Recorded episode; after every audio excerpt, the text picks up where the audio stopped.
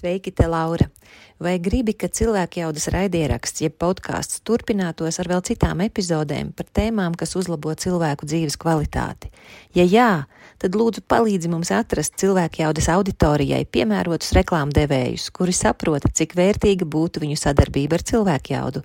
Mums tā būtu iespēja sekt regulāras izmaksas, kas saistītas ar jaunu epizožu veidošanu un nodrošināšanu cilvēkiem, lai visiem bez maksas ir pieejama noderīga informācija, kas uzlabo dzīves kvalitāti un palīdz ieraudzīt jaunas iespējas un risinājumus. Ja gadījumā tu esi no reklāmas aģentūras vai tam līdzīga uzņēmuma, tad varbūt tu vari mums palīdzēt ar ieteikumiem un idejām, kā mēs varam sastapt īstos uzņēmumus, kuri būtu priecīgi par sadarbību ar cilvēku jaudu. Mēs meklējam risinājumu, kurā visi iesaistītie ir ieguvēji. Kad apkārtējie jūtas labāk, tad dzīvojam veselīgākā un atbildīgākā sabiedrībā, un jo kvalitatīvāka tad ir cilvēku dzīve. Ja tev ir praktiski risinājumi par to, ko tikko izstāstīju, mēs priecāsimies par tavu ziņu uz info at cilvēkjauda.lv ar informāciju, kā vari mums palīdzēt turpināt šo darbu par to, ko tikko lūdzu.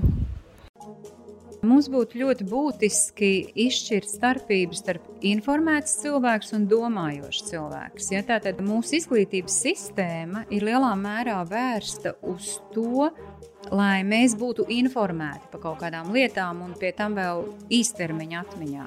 Informēts cilvēks nav tas pats, kas domājošs cilvēks. Šeit arī ir tas jautājums par to, kā mēs varam trenēt savu domāšanu. Un, piemēram, diviem cilvēkiem ir viena un tā pati situācija, bet viņš nonāk pie pilnīgi cita secinājuma, un, un viņš pieņem pilnīgi citus lēmumus. Un kāpēc? Acīm redzot, viņš izmanto citus kritērijus, kā to situāciju izvērtēt. Jālasa gan Tolstojs, gan ir jālasa par psiholoģiju, gan ir jālasa par ģenētiku, ir jālasa arī ēdienu recepts, ir jāzina, ar ko cilvēks šodien nodarbojas. Tāpat mums ir jāzina, piemēram, par kaut kādām lietām, kas notiek sociālos tīklos un tam līdzīgi. Nu, ir pagājis tas laiks, ka mēs uh, sakām, ka viss tas, ko mēs nevaram racionāli izskaidrot, ir bullshit. Tā nav. Ja? Un tātad mēs ņemsim aizvien vairāk palīgā šo neracionālo domāšanas dimensiju. Tātad mums vienkārši nebūs laika visu izdomāt līdz galam. Mums vienkārši ir, kāpēc tu tā dari, es tā jūtu, ka ir pareizi viss darām, tāpēc, ka es tā jūtos. Jā, nevis tagad sēdēšu un es tev tagad pamatošu, kāpēc es to darīšu. Neliels iestarpinājums no manis un no cilvēku jaudas komandas.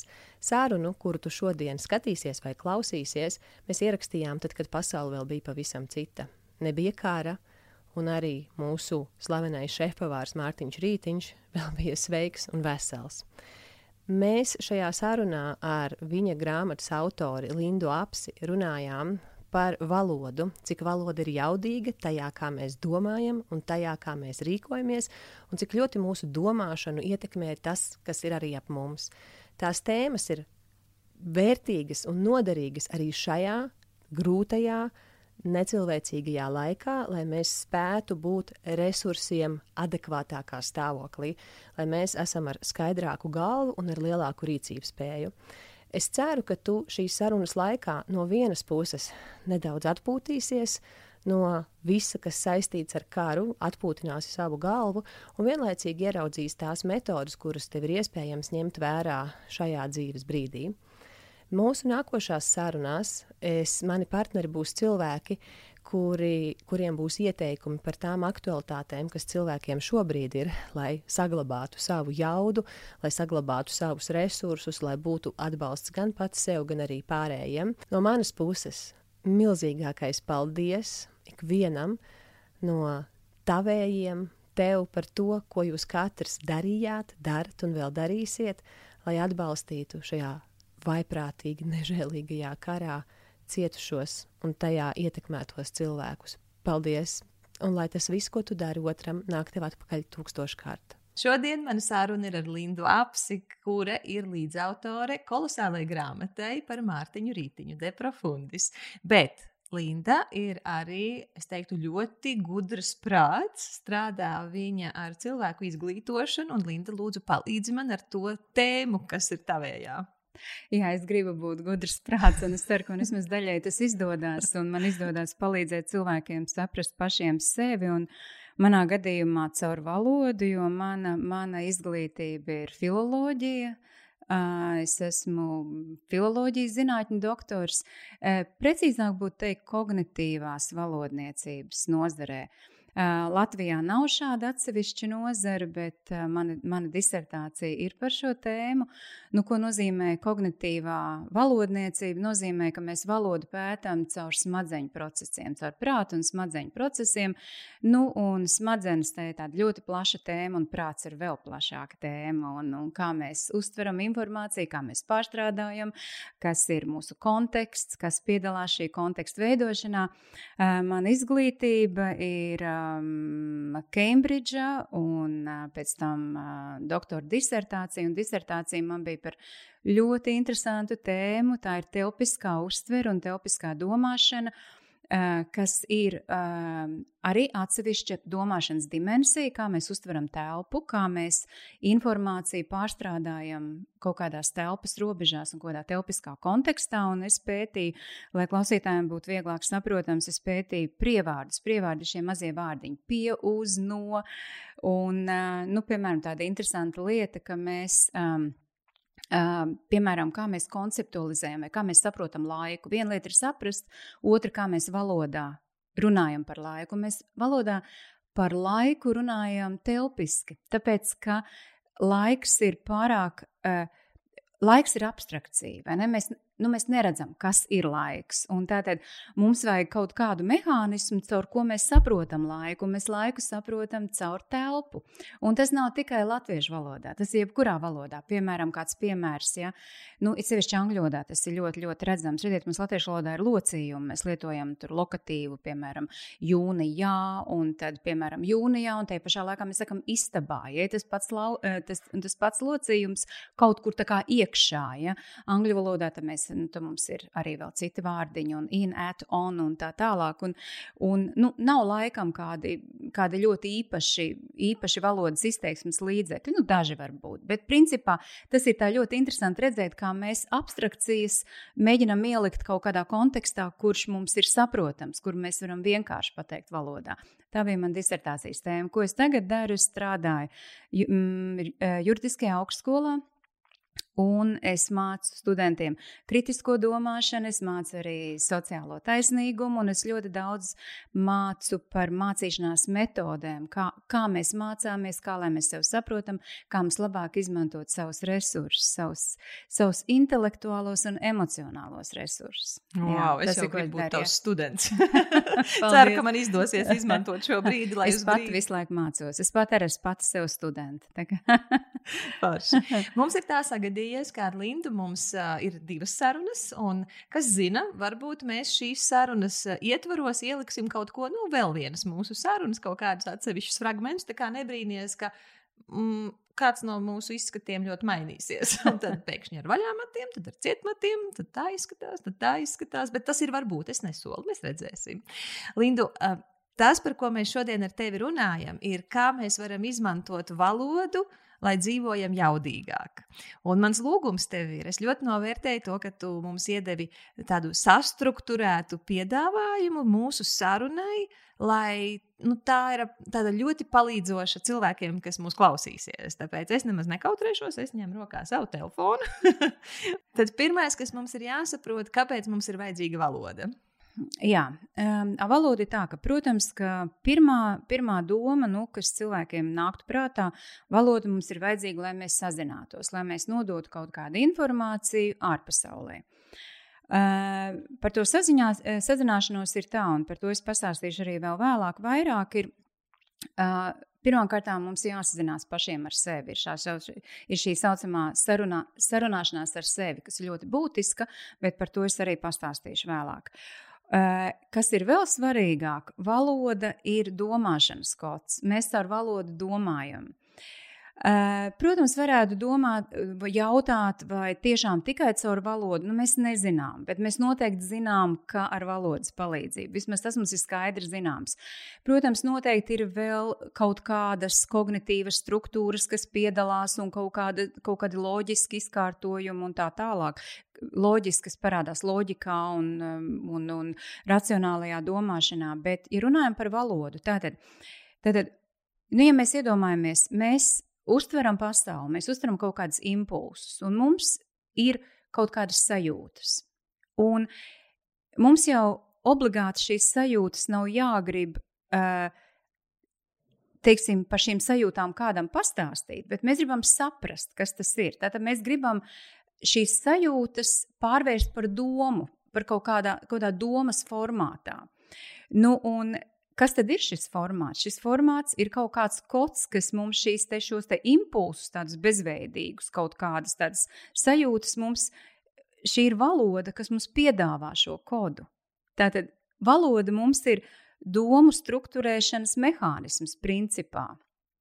Un, nu, mēs varam paskatīties, piemēram, teikuma ietveros. Nu, teikums ir apgalvojums. Nu, mēs Nav jau tā, ka mēs domājam kaut kādos, es nezinu, ļoti, ļoti garos narratīvos, kaut kādos, es nezinu, tur septiņu, septiņu rindkopu garos teikumos. Mēs, nu, mēs rakstām tā. Mēs varbūt rakstām, un arī tad tas nav labi, vai ne? Jo mēs tad beigās aizmirstam, kas bija sākumā. Tātad mums ir kaut, kāds, kaut kāda ierobežojuma, kaut kāda struktūra, un acīm redzot, šī tā struktūra, kurā mēs domājam. Tad valoda ir absolūti nepieciešama, lai mēs varētu domāt.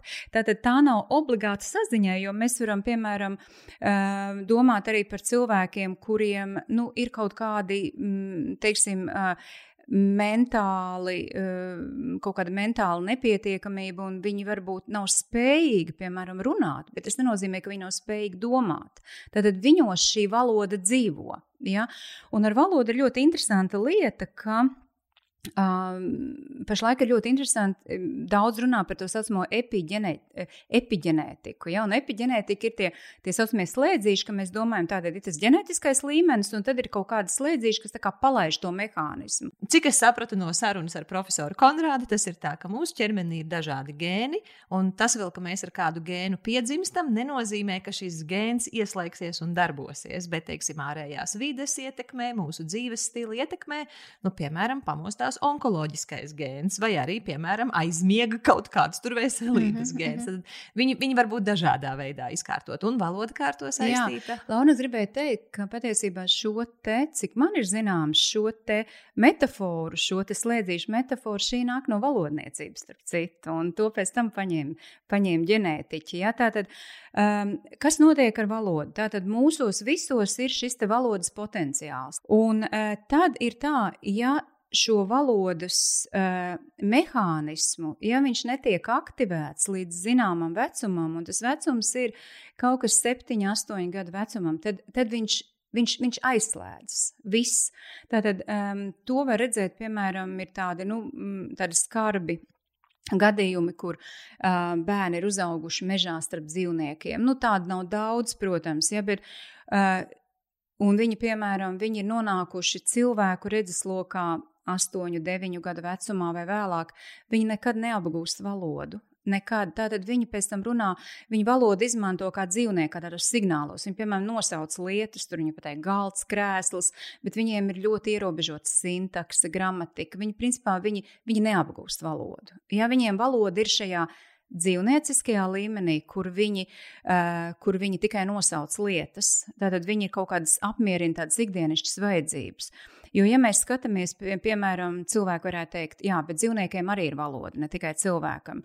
Uh, dzīvniekam ir signālu sistēma, tā ir semiotiska sistēma, arī valoda ir semiotiska sistēma. Tad dzīvnieks runā, viņi nosauc kaut kādas lietas un signalizē par kaut kādiem objektiem, par briesmām, uh, jā, kaut kādas sajūtas, arī kaut kādas emocijas, bet tur jau vairāk ir kaut kādas tādas skaņu, kaut kādi, nu, teiksim, kaut kādas fonētiski, kaut kādas fonētiskas melodijas, es pat teiktu, ja. Bet cilvēks, ja, viņam ir valoda, cilvēks var, piemēram, runāt, Viņš var runāt par pagātni, viņš var runāt par tagadni, viņš var runāt par nākotni, viņš runā vēlējumu izteiksmē, viņš runā par kaut kādām iedomātām, iztēlotām lietām. Šīs ir ļoti sarežģītas mentālas konstrukcijas, ja dzīvnieks tādā veidā nedomā, dzīvnieks tādā veidā nereflektē. Un te ir tā uh, lieta, kur mēs domājam, ka, principā, ka tā jau ir tā galvenā atšķirība, kur ir kā, kā cilvēks atšķirās no dzīvnieka, tā, nu, no dzīvnieka tā valoda. Un iespējams, ka valoda ir tā tieši šis valodas potenciāls evolucionāri. Ja mums ir aizvedis, kur mēs tagad esam. Un, uh, Man ir, es esmu absolūti pārliecināta, ka katra nākamā paudze ir intelektuāli jaudīgāka par iepriekšējo. Un tad un uh, lielā mērā dēļ valodas, ja, jo valoda ir šī kapacitāte, kā mēs intelektuāli, kā, kā mēs varam attīstīties. Ja, šīs struktūras kļūst ar vien interesantākas, uh, labā nozīmē sarežģītākas. Un uh, es būtu vēlāk pastāstīšu par metaforisko domāšanu un, un tā tālāk. Man ir jautājums, es bieži dzirdu tādus pārmetumus no valodu speciālistiem, no nu, vecāka, vecākas paudzes, iepriekšējās paudzes, ka mūsu valoda ir kļuvusi nabadzīgāka, ka mēs vairs nerunājam, nu, tik, tik, neizmantojam tik daudzus vārdus, kā kādreiz izmantoja. Uh, nē, tas, kā mēs runājam par, es domāju, ka tā iepriekšējā paudze mēs runājam par tādu poētisku valodu. Ja mēs runājam, tā, tā ir stilistika. Uh, Nu, es drīzāk domāju, ka katram laikmetam ir kaut, kaut kāds stils. Ja viņi dzīvo, piemēram, arī mēs tagad ģērbjamies, principā, asketiskāk. Vai ne? Ja mēs paskatāmies, kā, mēs, kā, kā dāmas ģērbās, piemēram, 30. gados, nu, tur bija rotu rotas, nu, mēs varētu teikt, nu, mēs tagad arī ģērbjamies sliktāk, nu, varbūt nē, mēs ģērbjamies savādāk. Un es domāju, ka valoda ataino. Uh, tā liecina par kaut ko, tā liecina par, par, par šo domāšanu. Es domāju, ka mēs, domāju, ka mēs domājam daudz koncentrētāk un lakoniskāk. Uh, nu, poētismi un te, šis te poētiskais valodas aspekts, es vēlreiz atkārtošu, tas ir tāds gaumas jautājums. Ir ļoti skaisti, ka mēs varam izteikties, izmantot epitetus, un, un, un ir vairākas nozīmes vienam vārdam. Un, un, un bieži vien jau arī tas ir saistīts, vai, vai tev bijis iespēja trenēt šo valodas aspektu, vai ne? Jo arī, piemēram, izglītības sistēma, nu, mums nav vairs tik daudz, mēs nepievēršam uzmanību. Nu, es nezinu, vai skolā kāds raksta dzēju, vai ne? Nu, vienkārši nav vietas. Tagad parādās, piemēram, tur mm, visādas um, datoru prasmes un tam līdzīgi. Vienkārši tāda ir dzīve, ja? un tam vienkārši netiek pievērsta tik daudz uzmanības. Es nezinu, vai tas ir labi vai slikti, tas vienkārši tā ir.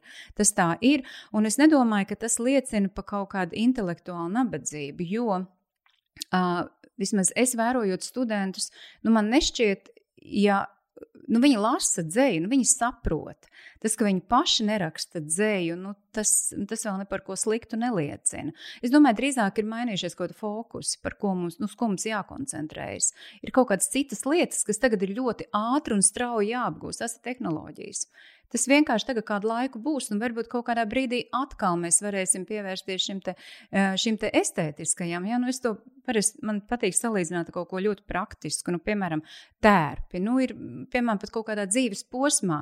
Es gribu būt, es atceros, es Kembridžā staigāju džinsās un teikraklā, ja? jo tas bija mans prāta stāvoklis. Es negribēju ne par ko vairāk domāt. Ja? Un es biju, nu, tas bija mans veids, kā es varēju, kā es varēju koncentrēties uz kaut ko citu. Nu, man tagad jau patīk kaut ko, kaut ko vairāk, tāpēc, ka man acīm redzot, kaut kam citam ir laiks, vai ne, vai man kaut kas cits liekas svarīgs. Es domāju, ka tāpatās arī ar valodu ir. Un es nedomāju, ka cilvēkiem valoda ir gluži nabadzīgāka. Man nav tāda sajūta. Un um, es domāju, ka, eh, starp citu, es domāju, ka um, tā valodas lietošana, domāju, kā metafors, kur mēs lietojam pārnestās nozīmes, ir, ir mm, es domāju, tas ir spēcīgāk nekā tas ir bijis līdz šim. Vismaz mēs apzināmies, piemēram, kaut vai politkorektums. Ja?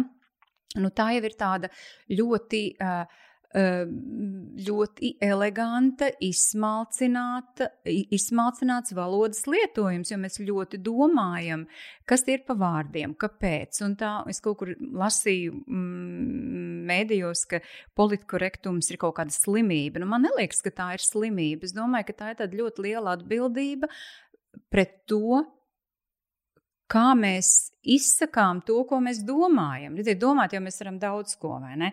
Bet tagad tā ir tā atbildība pret to vidi, ja? pret vidi, kurā ir cilvēks, kurā ir attiecīgs kaut kāds konteksts. Tur ir, um, nu, es nezinu, Arābu valstīs mēs citādāk kaut ko par kaut ko runātu, kādā citā kultūrā savādāk, Japānā vēl kaut kas savādāk. Nu, mēs, mēs, mēs par to piedomājam, nu, tas viss ir politkorekti, manuprāt. Ja? Nu, nav vienkārši kā māku tā maunu. Ja? Un, un es domāju, ka mm, politkorektums ir viena ļoti jaudīga, ļoti svarīga lieta, kur mums liek padomāt domāt, kā mēs pasakām to, ko mēs domājam. Jo to, ko mēs domājam, mēs varam pateikt dažādi. Mēs varam pateikt, dažām mēs esam ļoti atbildīgi, kā mēs to pasakām. Jā, tas nav vienkārši. Tas nav vienkārši. Jo tas sanāk, ka valoda mainās ne tikai ejot laikam uz priekšu, bet arī aktualitātēm sabiedrībā. Nu, es minēšu piemēru, jocīgs piemērs daudziem tas būs. Bet, teiksim, nu šobrīd viena no tendencēm vairāk starp jauniem cilvēkiem ir par to, ka cilvēks saka, ka viņš nav viena dzimuma. Kad uh, es neesmu tikai sieviete, es esmu vīrietis, un man, man ir iebjās, ja tu mani kategorizē vienā no šiem dzimumiem. Jā. Tāpēc runājiet ar mani, ka viņi. Nu, tas nav veids, kādā mēs lielākā daļa esam pieraduši kā, runāt ar savu cilvēku. Angliski to ir vieglāk izdarīt. Mm. ja, jo tur arī tas tu, nu, tur nav jāliek ne vīriešu, ne sieviešu dzimta klāt. Mm. Bet latviešu valodā, nu, vismaz tie tuvie cilvēki šādiem, nu, šādiem te citādāk domājošiem, savā veidā par dzimumu citādāk domājošiem, ir man teikuši, es, man ir sajūta, ka es smadzenes izmežģīšu, lai pareizi runātu, lai to cilvēku neaizskartu, lai neizsauktu strīdus, lai mēs varam mierīgi, mierīgi sadzīvot. Un, ja angliski ir vieglāk šajā jomā adaptēties, tad latviešu ir grūtāk šajā jomā adaptēties. Bet es domāju, arī angļu valodā tas ir bijis tāds um, evolucionārs mom moments, ja, jo arī angļu valodā jau sākumā to veju viņi nebija viegli lietot, bet cilvēki pierod. Un es domāju, ka tā nav kaprīze patiesībā. Kaprīze varētu būt tad, ja tas cilvēks ļoti sāpīgi uztver, ja viņi tā nenosauc. Nu, tad viņš, teiksim, tur skandalē vai tas ir konflikts.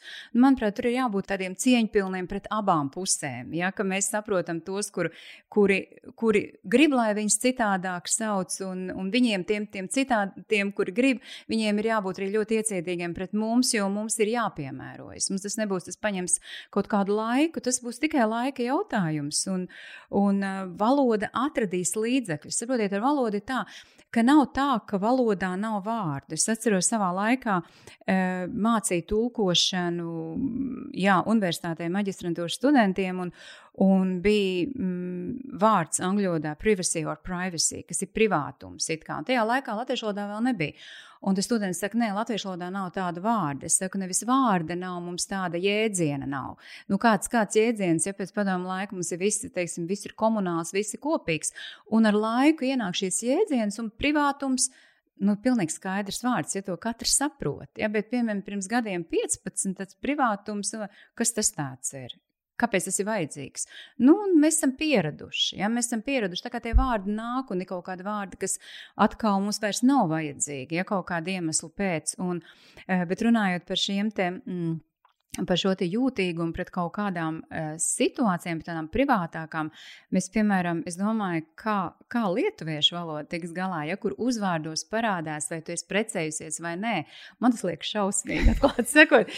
Kā, kā viņi to, ja būtu interesanti redzēt, es domāju, ka Tas ir viens liels izaicinājums, ja vēsturiski.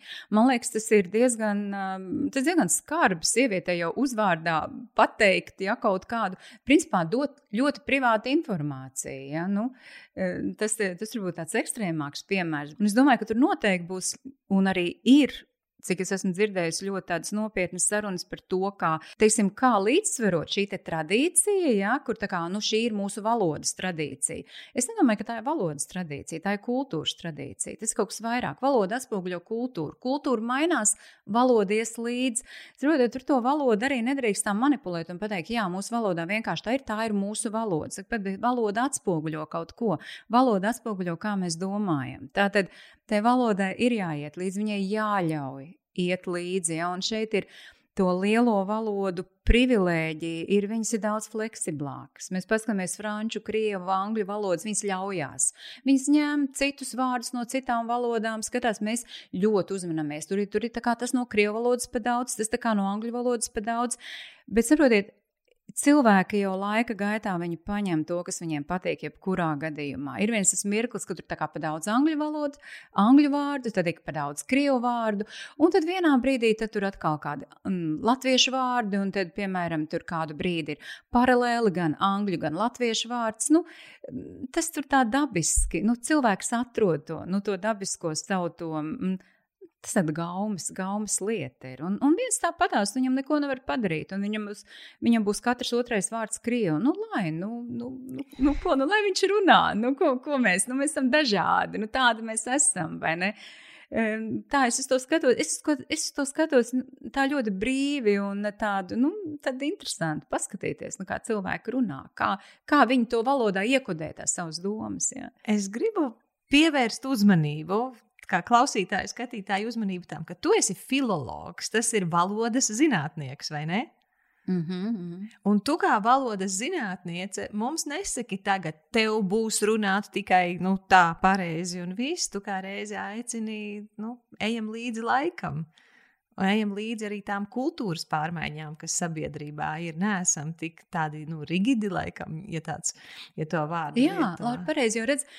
Es un te ir tas, kas man tā intuitīvi pareizā izvēle savā laikā izglītībā ir skatīties uz valodu nevis uz kā uz kādu tādu kodu, kas mums ir dots un kas mums ir jāievēro, kaut kāds likumu kopums. Ka tas kods ja? mūs ierobežo. Jā, viņš nedrīkst mūs ierobežot. Tam, tad mums ir domas, un tas kods mums vienkārši palīdz domāt, viņš mums palīdz izteikties. Viņš nedrīkst būt ierobežojošs. Tieši otrādi viņam ir jāpalīdz mums domāt un jāpalīdz sazināties. Un, ja mēs to skatāmies tādā veidā, skatāmies, ja, tad tas ir. Tad mēs ļoti, ļoti harmoniski ar to varam sadzīvot. Un mēs, mēs paši varam pavērot, kā mēs runājam. Piemēram, mēs runājam. Uh, piemēram, mūsu identitāte, piemēram, kāpēc cilvēkiem patīk runāt dažādās valodās. Un tas ir ļoti interesanti. Man students prasīja, viena studente prasīja, viņa saka, Linda, kā tas ir? Man patīk, tagad es runāju angliski, es kā, man ir sajūta, ka es kā citādāk runāju. Es saku, tu nevis citādāk runā, tu citādāk jūties. Jo principā tu pieņem citu identitāti. Tā, tad, tas ir tāds brīvības moments.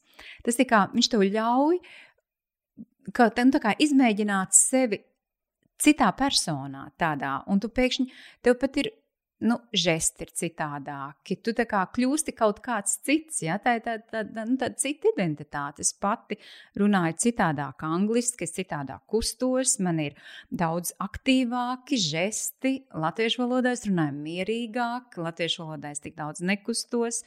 Un uh, krievu valoda vēl tīri fonētiski vēl ir citādāka. Jums jau sejas muskuļi mainās un sejas izteiksme. Tas, Tas viss ir ļoti interesanti. Tas viss ir ļoti, un man liekas, ka to vajag tā ļoti dabiski uztvert, jo ja mēs kaut ko sāksim uztvert un, teiksim, norādīt, ka tas ir kaut kāds kontrolējošs elements, es domāju, mēs dabūsim tieši pretreakciju. Un te ir ļoti liela problēma, ar ko mēs redzam skolā, ko es redzēju. Es gadu strādāju skolā, kā bērniem liek rakstīts atcerējums, nu, tam ir jābūt kaut kam ļoti radošam, lai viņam tās domas tur iet, un lai viņš, lai viņš izsakās, lai viņš aizmirst par komatiem. Komatus pēc tam saliksim. Tas jau nav tas galvenais. Ja? Bet tajā brīdī, kad tev galvenie kļūst komati, ja, un tu sāc domāt, lai tas teikums nebūtu pa garu, jo es nezināšu, kur tos komatus salikt, nu, tad jau vairs nu, pazūd tas viss tas poētiskais, ja, pazūd tas domas lidojums. Un, nu, to nevajadzētu. Man liekas, tas nav pareizi. Ja, ka tā valoda kļūst ierobežojoša, ja, vai arī, piemēram, uh, cilvēki nu, uzstājās publiskā, publiskā telpā. Nu, parasti, kas viņus uztrauc, ir, vai viņi pareizi izteiksies. Nu, uh, Nu, es nezinu, kas ir pareizi. Nu, tu valodnieci, ne, valodas zinātniece, nezini, kas ir pareizi. Es, ne, es nezinu, katram savs ir pareizi. Kā es pateiktu, kā ir pareizi ģērbties. Nu, es nezinu, tā kā tev ir ērti, nu, tas, kas tev liek justies ērti, kas, kas, um, kas um, neliek tev būt feikam, kas tev liek justies kāds tu esi, nu, tas ir arī pareizi priekš tevis. Nu, nu, nu, nav jau tā, ka cilvēki kaut kā pārkāp normas nu, tik ļoti un kaut, kaut kā ļoti kroplīgi runā. Nu, tā taču nenotiek. Nu, mums taču ir kaut kā, nu, tāpat tās cilvēki neskrien ārā, es nezinu, pa ielu bikini vai ne? Nu, ne kaut gan varētu. Tas jau ir ok ar pliku dibanu. Jā, jā, jā, tieši tā. Nu, it kā varētu, ja ne, nu, tā kā, it kā gluži nav aizliegts, bet cilvēki to nedara nedara, jo mēs jau jūtam, kur kā vajag. Ja? Un mēs tāpatās, nu, piemēram, nu, mēs rakstām, piemēram, nezinu, ielūgumu, nu, mēs piedomājam, kāds ir tas formāts. Nu, nav jau tā, ka mēs gluži tur, nezinu, teiksim, tā huligāniski ar valodu uzvedamies. Es domāju, ka nevajadzētu uztraukties, jo mēs mazāk runātu par to ierobežojošo, mēs ļautu cilvēkam uh, nu, tad būtu vairāk dzējas. Man liekas, ka tad būtu sabiedrībā mums vajag dzēju, mums vajag poētismu, jo mums vajag metaforas. Un, un te, to mēs redzam bērnos, ja, jo mēs runājam par valodu kā domāšanas mehānismu. Ir interesanti, ka bērni runā un saka, o, viņš pateica kaut ko smieklīgu. Ja? Bet tas bērns jau nedomāja pateikt kaut ko smieklīgu. Viņš vienkārši kaut ko pateica pārnestā nozīmē, jo viņš nevarēja atrast vārdu, kā lai to pasaka. Šodien Facebookā lasīja, ka Nē, mammiņai dēls ir teicis, viņam puika teica, viņam kādi septiņi gadi, un viņš teica, vai es esmu tik noguris, man tikai, man tikai kafija var glābt. Ja? Un, protams, ne viņš kafiju dzer neko, bet tad viņš ir pārnesis kaut ko dzirdētu, lai pateiktu, cik viņš ļoti ir noguris. Jo patiesībā viņš gribēja pateikt, ka viņš ir ļoti noguris. Un tā ir metāfora. Ja? Un tas bērns ir tik radošs tajā visā. Un, piemēram, par tādu domāšanu, un bērnu vispār bērni ir fantastiska metaforā. Mēs panelizējam, kā bērni. Viņi taču izsakās apkārt un uz rīņķi, jo viņi nezina vārdu. Es tev gribu vēl vienu metaforu piedāvāt. Jā. Negribu palaist garām iespēju. Man māma ārkārtīgi ārkārtīgi sa sajūsminājās. Manā mamma ir masiera, un līdz ar to viņa redz ļoti daudz nu, ģimenes visierastākajās situācijās. Tad viņa nāca mājās un dikti priecājās par to, ka laikam trīsgadīgs bērns tas bija, un, un, un, un viņa mamma masēja vecstāvu vai kaut kas tam līdzīgs. Un tad viņam tam bērnam prasa, tu gribi sviestmaizi? Jā, es gribu sviestmaizi, bet pliku pakaļu. nu, tā kā sviestmaize bez sviesta. Jā, tas ir. Ne? Un tas nebija no tā bērna. Tas nebija patiesībā mums tas bija smieklīgi, bet viņš to neteica kā joku. Ja? Tad viņš ieteica savu domu, jā, viņš to domu ietērpa tādā veidā. Es domāju, man jāapstāsta mans um, dēls, kad viņam bija, viņš bija četrus gadus vecs, un tagad jau viņš ir mm, jau jaunais ārsts, tagad viņš ir stipri vecāks, bet kad viņš bija četrus gadus vecs, es atceros, bija Um, es viņam liku kārtot istabu, un viņš, un viņš, viņš, nu, viņš negribēja. Un viņš domāja, ka tas protests varētu būt. Viņš teica, es iešu prom no mājām.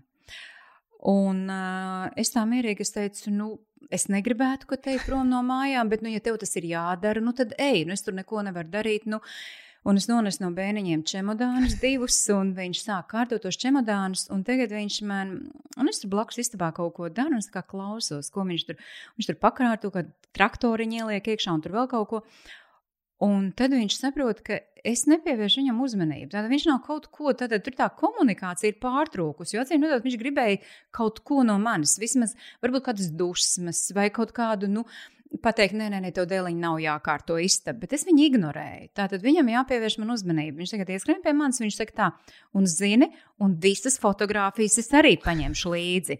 Jā, ja tev tad, nesāp no tā, ka es eju jā, prom, jā, es tev redzēšu arī fotogrāfijas. Es tev atņemšu arī fotogrāfijas. Tātad viņš man mēģina caur kaut kādu tādu sevis iedomātu, ka man varbūt tās fotogrāfijas vajadzēs, vai tātad asinmetot viņš ir iedomājies, ka ka tagad es varbūt reaģēšu, ka tagad es teiktu, Dēlī, ne, nu noteikti nē, prom jau fotografijas man vajadzēs, un, un tā kā paliec vai nu kaut kāda saruna. Tātad, nu, principā viņš caur kaut kādiem, kaut kādiem tādiem aplinkus ceļiem, tur kaut kas tajās domās notiek, viņš mēģina pateikt patiesībā pavisam ļoti vienkāršas lietas, un tās vienkāršās lietas ir pažēlo mani. Es negribu kārtot istabu, ja tas ir, ko viņi gribēja pateikt, bet tas viss ir tik aplinks, un bērni ir ļoti interesanti tām metaforām.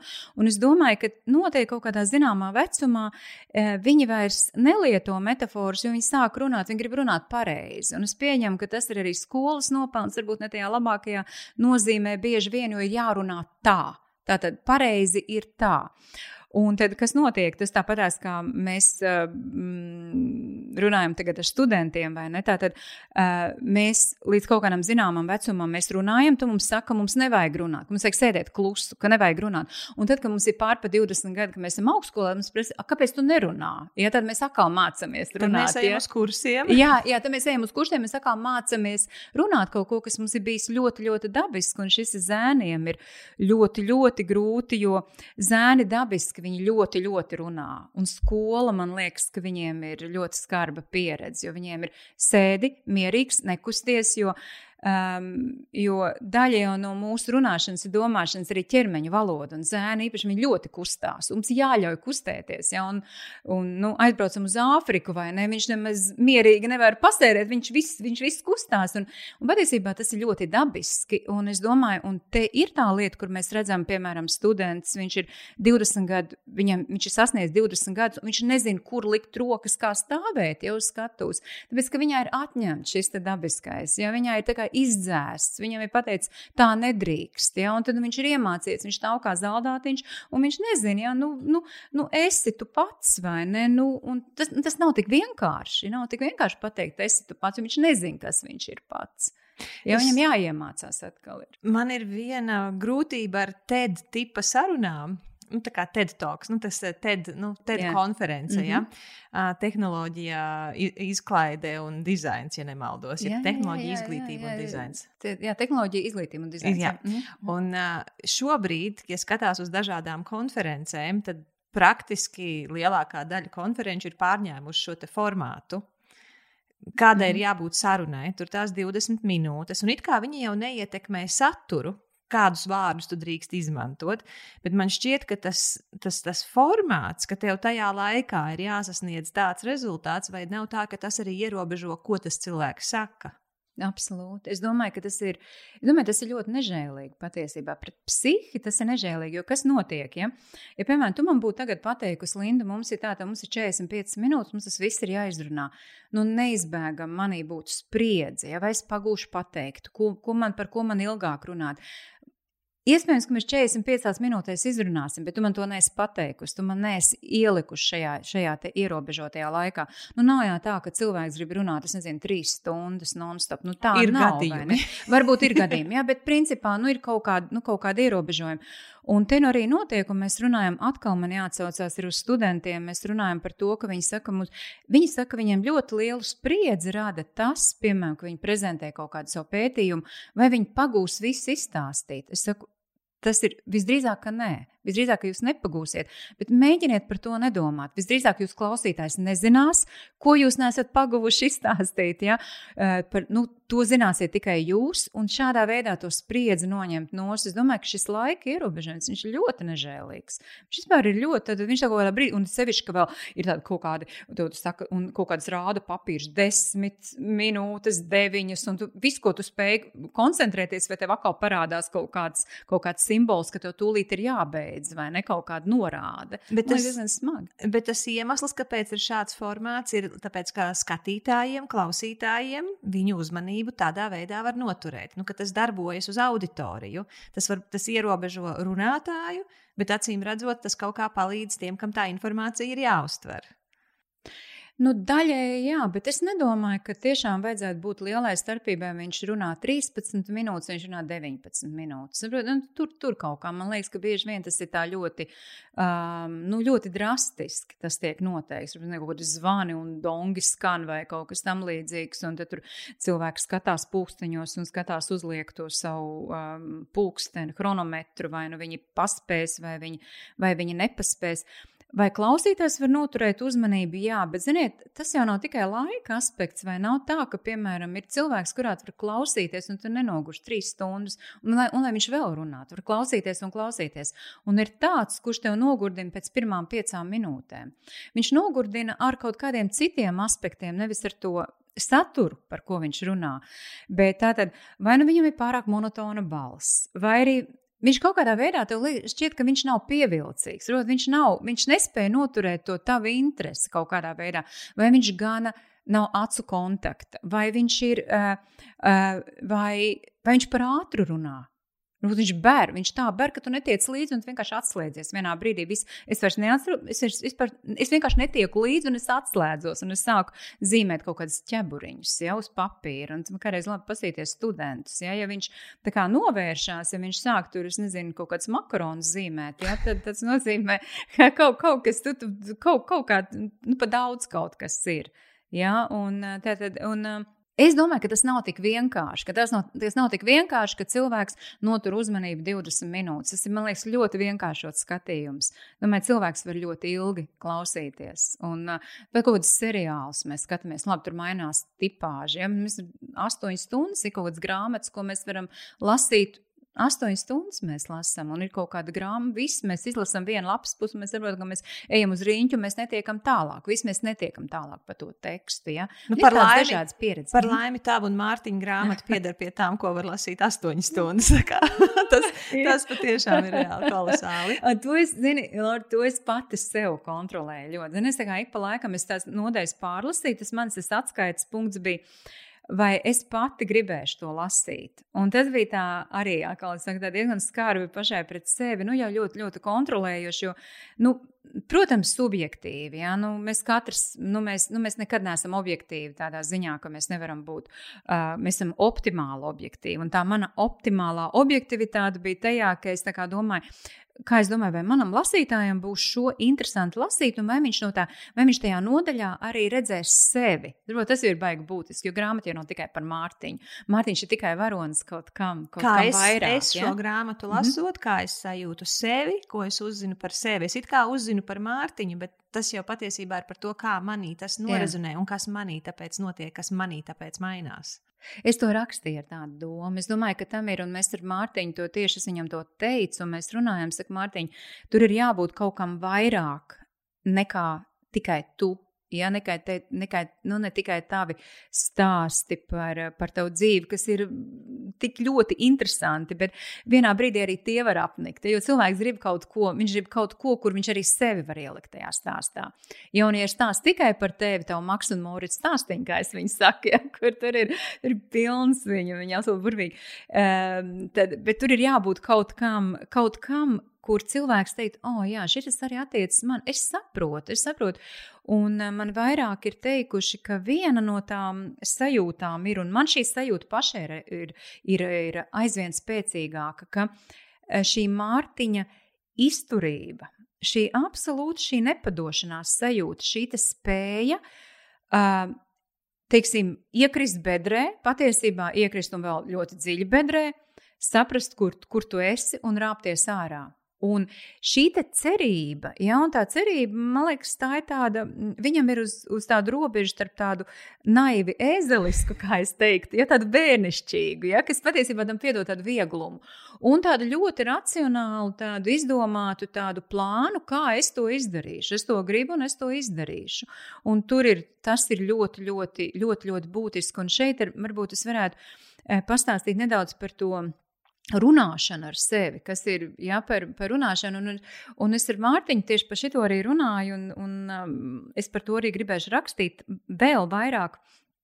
Tātad, um, Mēs izmantojam valodu nevis tikai lai runātos ar citiem. Tā viena lieta, mēs mm, izmantojam valodu, lai domātu. Tātad tā ir tā struktūra, tāda, kur nu, tā ir tā netveramā daļa. Tā tveramā daļa ir, lai mēs runātos. Bet vispirms jau mēs runājamies ar sevi. Ja, un pēc tam mēs runājamies ar citiem.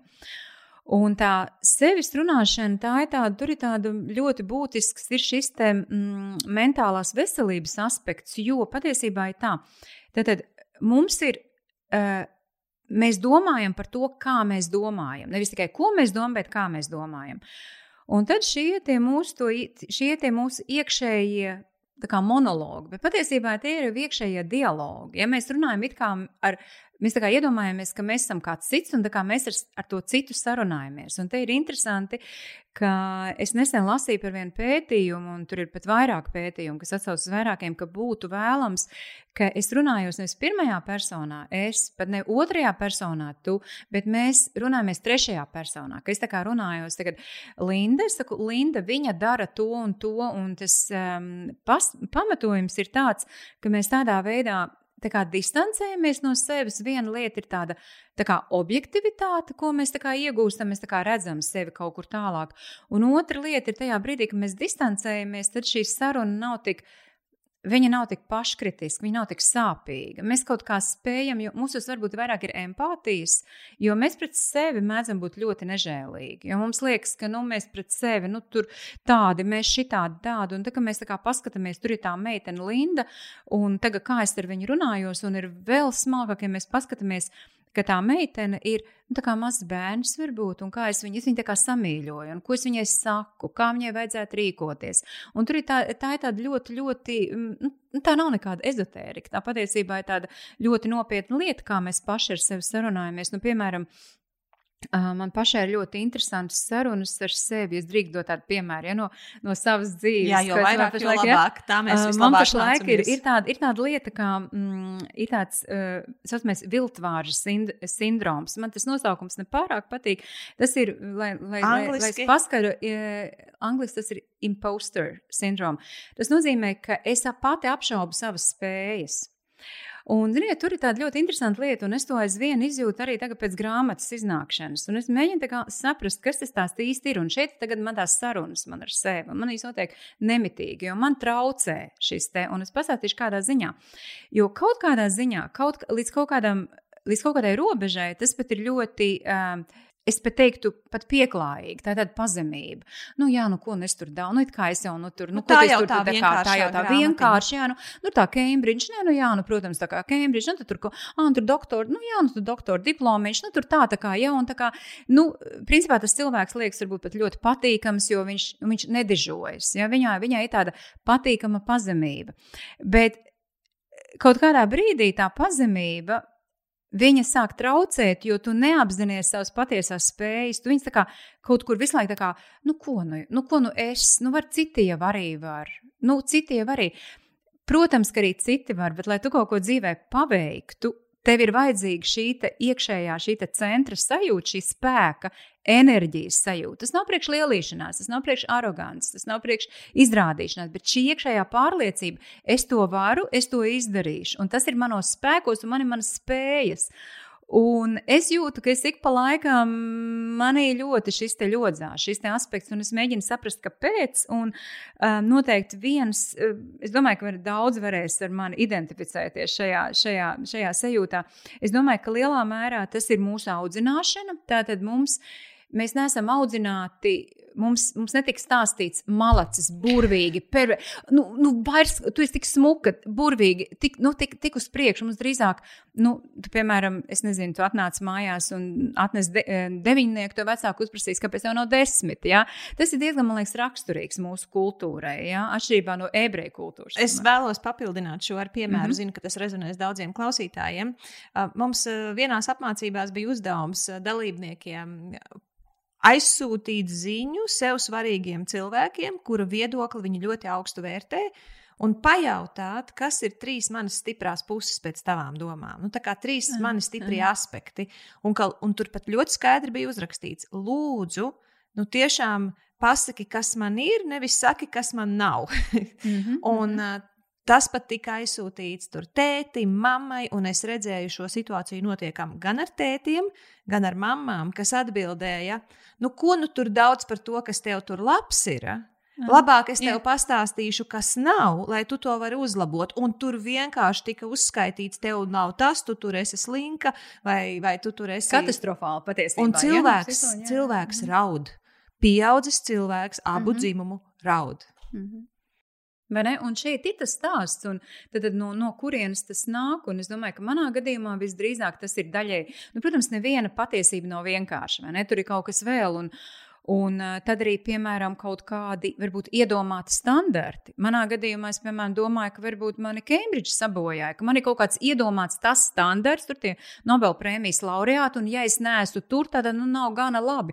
Es mēģinu vienkārši domāt, es, es nezinu, ja, kur tā patiesība kaut kur noteikti ir pa vidu, bet, bet tas galvenais ir, ka mēs izmantojam valodu šo reflektēšanas uh, metodi, sarunājoties ar sevi, tā kā ar to cilvēku no malas, vai nu pirmajā vai trešajā personā vēlamies vēlams, ja mēs to protam.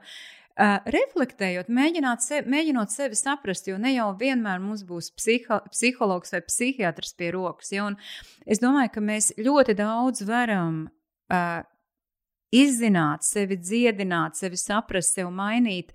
Runājoties tieši ar sevi. Tas nav viegli, bet tas ir ar laiku to sarunu var. Uh, tas ir principā tas ir iemaņas. Tas ir iemaņas, jo es nedomāju, ka obligāti kādam citam ir jāuzdod tev jautājums, lai tu varētu domāt par to, kā tu domā. Es domāju, ka tu pats sev vari iemācīties uzdot jautājumu. Tagad tu kā mēģini redzēt sevi no malas. Ja? Un, jo jebkurā gadījumā teikt, ok, tas nav objektīvi.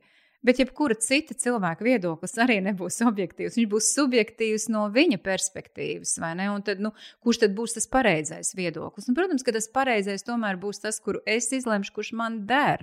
Jā, nu, kaut kādos, kaut kādos apstākļos, kaut kādā kontekstā, jebkurā gadījumā.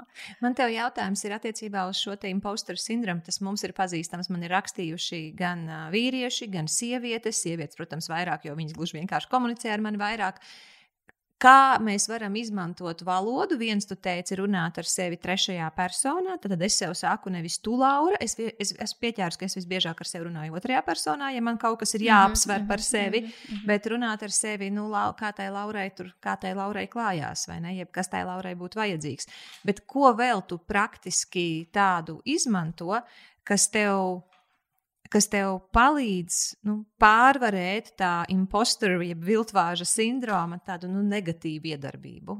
Jā, uh, nu, izmantojot valodu, protams, tā vienmēr tā, tā saruna un kādus vārdus mēs izmantojam attiecībā pret sevi. Nu, es jau arī raksturojoši izmantojam kaut kādus vārdus, mēs sevi kaut kā nodēvējam. Un tā tad, nu, nu, mums jābūt ļoti empātiskiem pret sevi, mums jābūt mīlošiem pret sevi. Ja? Un tas nenozīmē, ka mēs glorificējam kaut kādu savu varēšanu. Nē, mēs vienkārši tas ir tāds, tāds cieņas jautājums. Kā vēl mēs varētu valodu izmantot? Nu, es šeit laikam redzu valodu vairāk kā domāšanas elementu, vairāk varbūt netik, netik daudz, kā mēs nodefinējam ja, šo sajūtu, bet tieši kā tādu funkciju vispār runāties, vispār runāt, sazināties ja, ar sevi, runāties ar sevi un runāt skaļā balsī. Vienkārši būt ar sevi un runāties, un prasīt sev, un uzdot sev jautājumus, un veidot šo, te, šo, te, šo te dialogu. Un, un es vēlreiz atkārtošu, es nedomāju, ka kāds psihiatrs to varētu izdarīt labāk par mums pašiem. Es nedomāju, ka mēs tā līdz galam.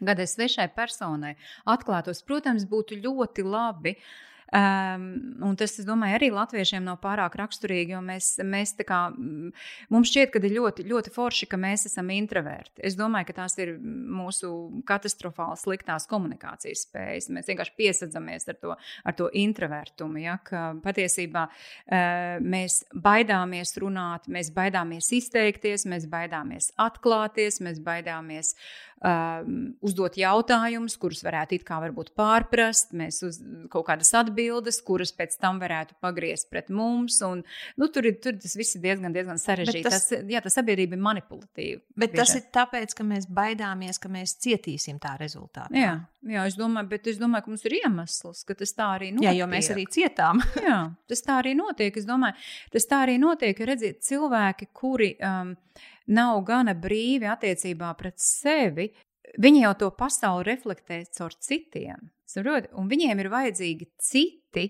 Viņiem ir vajadzīgs dom, viņi domā par citiem, lai it kā domātu par sevi. Viņi nedomā par to sevi trešajā personā, bet viņiem vajag, piemēram, lasīt zeltaino presi. Tātad viņš domā par citu cilvēku dzīvi, un viņš tādā kaut, kā, kaut kādā jocīgā riņķī sāk domāt par sevi, bet patiesībā viņš nedomā par sevi. Ja tad viņam vajag pakritizēt citu. Nu, man ir tas jautājums, nu, kāpēc kritizē se, uh, citu? Nu, Tāpēc, domā par sevi. Uz ja? viņa fona sajustos labāk, un es pat nesaprotu, ka tas ir mans īstais iemesls. Jā. Jā, tu principā tas ir kaut kāds tāds ļoti, manuprāt, kroplīgs veids, kā domāt par savu dzīvi. Bet tāds vai... ļoti kaut kāds aplinkus veids, kā domāt. Jo viņš, viņš grib, tātad viņš kaut ko grib analizēt. Tātad viņš analizē cita cilvēka dzīvi. Bet vai nav tā, ka mēs vienkārši neesam mācīti domāt par sevi? Absolūti, jā. Mums, jā. Kā, mums ir tās tā ir tāds, iemaņas, tās ir iemaņas, tās vajadzētu būt iemaņām. Ka mums ir tāds tā kā, uh -huh. iztrūkums valodas lietošanā attiecībā uz uzmanības pievēršanu sev. Vispār tādu emocionālo inteliģenci mm -hmm. principā tas absolūts iztrūkums, jo par to jau nerunā. Tātad mēs varam skolā ir Ņūtona binomi, ir eh, salikti pakārtoti teikumi un cik tur kādās pakāpēs. Tas ir ļoti svarīgi. Galvenais ielikt ja tos komatus, un tas jautājums ir. Bet kā tu jūties, un, piemēram, kā tu tiec galā ar kaut kādām situācijām, trauksmes situācijām? Mēs visi runājam par trauksmi. Uh, un mēs esam kā ar to tikt galā. Ja tā sabiedrība būtu līdzsvarotāka, viņa būtu mīlošāka, es lietu pavisam vienkārši vārdu mīlošāka. Ja? ja mēs spētu to līdzcilvēku, pavisam vienkārši mums ir vienkārši viņš jāpieņem un jāmīl, kāds viņš ir. Un tur ir tā grāmata arī par Mārtiņu. Ja? Nu, mums nav, ne viņš mums ir jāvērtē. Nu, viņš pat neprasa, lai viņš vērtē. Un te ir piemēram tāda ļoti interesanta lieta par um, kā mēs lietojam valodu ko es esmu sastapusies un es, es esmu novērojusi, piemēram, ir cilvēki, tad, piemēram, es tev prasu, kāda domā, vai man vajadzētu rakstīt grāmatu. Un šeit ir tas metaforiskais, tad es tev Patiesībā es tev neprasu padomu, vai man vajadzētu rakstīt, Lauru, visu, ko es gribu. Tu pasaki, Linda, dari, dari, es tev palīdzēšu, es tev palīdzēšu ar rediģēšanu, man to vajag. Man nevajag tavu vērtējumu, jo es esmu izlēmusi. Ja? Un tātad ko mēs, kā, es it kā tajā jautājumā, vai man vajadzētu rakstīt grāmatu, es visu, ko es gribu, es gribu tavu iedrošinājumu. Un, nu, nu nav jau tas nu, kāpēc tu to nepasaki tiešā tekstā. Un tas būtu ļoti jocīgi. Lauru, lūdzu, iedrošini mani rakstīt grāmatu. Nu, tā tas nenotiek. Ja, tad es to prasu kā aplinkus. Nu, tā ir tā daļa no tās mūsu metaforiskās domāšanas, un tas ir normāli. Bet mums, kā klausītājiem, tas būtu jānolasa. Mums būtu jāsaprot, kurā mirklī mums mesties ar kaut kādu padomu. Es domāju, vēl, piemēram, kaut kādu izteiksmes līdzekļu, ko Es kaut kad nesen dzirdēju, vienai um, kaut kādā sarunā bija tas, bija, tas bija kaut kur veikalā, pienāca draudzene otrai klāt un teica, o, šitā matu krāsa gan tev piestāv. Es domāju, Ak, Dievs, zeme atveries. Tad, ko viņa pateica? Tad līdz šim viņai bija kaut kāda ārprātīga matu krāsa. Tad kā tas cilvēks, viņš domā, ka viņš pasaka komplimentu, bet patiesībā viņš noniecina visu to, kāds tas cilvēks ir bijis pirms tam. Protams, ka tas cilvēks, kurš runā, viņš par to neaizdomājas, bet diemžēl viņš neaizdomājas. Tā vietā, lai viņš pateiktu, arī šī tev ir supermatu krāsa. Ja? Oi, kā tu forši matu krāsa, bet tur ir kaut kāda tā informācija, tur tā kā, nu, tu, tu saproti, ka tas cilvēks nav līdz galam, viņš pat nav reflektējis. Ko viņš ir pateicis tam cilvēkam? Ja jau pilnīgi skaidrs, tas cilvēks pateica, bet kas tam līdz šim bija kaut kas šausmīgs? Nē, nē, nē, nē bet šī tā ir labāk. Nu, nu, un viss tur kaut kā nu, ļoti jocīga tā situācija ir. Principā vienkārši tādas ļoti paviršas sarunas, es domāju. Tad, Jā. kad tu stāstīji, ka, uh, lai tiktu galā ar šo viltvāžu impostoru sindromu, mm -hmm. kas mums palīdz, ja mēs runājam ar sevi trešajā personā, mm -hmm. man ienāca prātā, ka es vienkārši centos to iztēloties. Nu, ko es iegūstu, ja es ar sevi runāju trešajā personā? Un man šķiet, ka tad, ja es skatos, nu, nu tā Laura, nu, reku viņai kaut kāda problēma, nu, es gribu viņai tā kā palīdzēt skatoties uz sevi trešajā personā, man ir tā kā, jo es esmu ļoti pieradusi skatīties uz citiem cilvēkiem trešajā personā. Mm -hmm. nu, mhm. tur, tur, tur Annai, ko vajadzētu, Baibai, ko vajadzētu, Ilzai, ko vajadzētu, Pēterim, Andrim un vēl kam kaut ko vajadzētu. Un man atnāk idejas. Tas nenozīmē, ka man obligāti būs taisnība tajā, kas viņiem būtu vajadzīgs, bet es esmu brīvāka ar idejām. Ja es saku, ko man vajadzētu, nu, ko es gribu, tajā brīdī man tā kā, jo mēs, cik mēs neesam trenēti domāt par sevi, tas vienkārši nav labākais veids, kas iedarbina smadzeņu kapacitāti meklēt risinājumus. Jo es taču neesmu trenēts. Kāpēc ir vēl tās kauna sajūtas? Nu, nav tik ko likt sevi tur, tur visuma centrā, vai ne? Ko tu par sevi vien domā? Domā par citiem.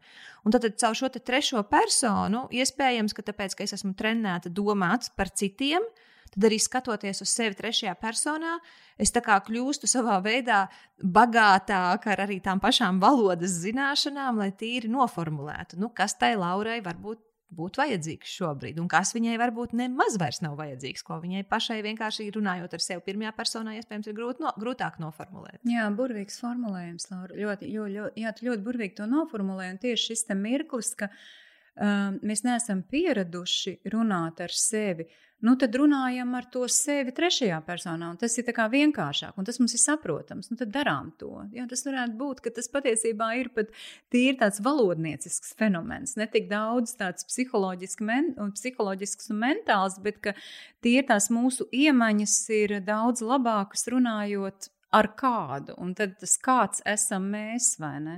Tā, tā varētu būt. Bet katrā ziņā izskatās, ka tas darbojas. Es noteikti izmēģināju. Ka tas darbojas, es, izrādās, jā. Es biju mēģinājusi ar otro personu, ar trešo es nebiju mēģinājusi. Jau pirmo reizi, kad tu man stāstīji par šo iespēju, man likās, nu kas tad tas tāds ir? Bet tagad es jau esmu ieinteresēta. Zinu, man pašai kā tas ir palīdzējis, man tas ir palīdzējis, ka es tā kā, es esmu saudzīgāka. Jo ka es saku, es, es jūtu, es diezgan nesaudzīga pret sevi. Un tagad tur ir tā viņa, Tur tā, nu, es, tā, mm, es viņai tā neuzbruku, tai Lindai, kas tur ir. Es, es tā ļoti, es viņu tā, mm, kā reiz saka, zinu, pamodināt sevi, savu iekšējo bērnu, un domā, kas tas tāds ir. Tu tā kā tur ieraugi, tur tāda meitenīte, tā viņa te bijusi, viņa ir augusi, viņai ir tas. Tu tā kā sevi, to bildes, sevi tā kā tādā filmā redz, un man liekas, ka tur kaut kāda tad mīlestība ir lielāka pret sevi. Un, paš, jā, un caur šo saudzīgumu es pieņemu, ka mēs varam, es domāju, ka mēs tiekam tuvāk sev klāt. Nu kā? Mums, mums ir vairāk mīlestības. Es domāju, ka varbūt mēs nemaz sev caur to pirmo personu nemaz netiekam klāt. Varbūt. Vēl viena lieta no tā, ko tu stāstīji, es vienkārši visu laiku skatos, nu, kā mm. es varu izmantot to, ko tu pastāstīji. Tu sacīji, ka valodai ir ļoti liela ietekme uz to, kā mēs domājam. Un tad, kad es domāju par sevi, manas domas mēdz būt ļoti vērtējošas. Nu, tā kā angliskais tas judgmental. Tā kā, kad tam līdzi nāk novērtējums, nu, Laura, nu, kā tu tā varēji, jeb Laura, nu, tas ir nesmuki, jeb arī Laura, nu, tu pārāk slinka vai vēl kaut kāda. Bet tā kā es mācos uh, tādu prasmīgāku komunikāciju ar citiem cilvēkiem, tad viens no uh, nevardarbīgās komunikācijas pamata principiem ir uh, nelikt vērtējumu runāt par sajūtām, bet nelikt vērtējumu. Un, lai tā komunikācija ar otru cilvēku būtu izdevusies, man nav prātīgi ietvert vērtējumu. Un no tevis stāstītā, es tagad esmu pati sev uzlikusi izaicinājumu, tagad, paldies tev, ka es ar sevi sarunājoties, tagad ļoti centīšos pieķert, kur mani vārdi ir vērtējuma vārdi. Līdz šim es viņus centos pieķert ar citiem cilvēkiem, bet es necentos pieķert ar, savu, ar sevi. Ļoti interesanti, ko tu saki. Es domāju, ka tur ir divas lietas. Viena lieta ir, šī ir arī laikmeta iezīme. Es domāju, šis laikmets mums liek būt aizvien mazāk vērtējošiem. Šis laikmets mums norāda uz dažādību, eh, uz to, ka mēs varam būt dažādi. Mums var būt dažādi dzimumi un dažādas mūsu identitātes, un tas viss ir pieņemami. Un tas viss ir izrādās, ka tas darbojas, ka tas nav nekas šausmīgs, un ka nav obligāti būtiski saprast, vai persona X ir vīrietis vai sieviete, jo tas nav tas, nav tas svarīgākais. Un bija ļoti interesanti, es varbūt nedaudz atkāpšos un, un jau pēc tam paturpināšu par to, ka mm, uz grāmatas aizmugurējā vāka es rakstīju par sevi pirmajā personā. Tā kā es. Parasti es raksta esmu, trešajā jā, personā.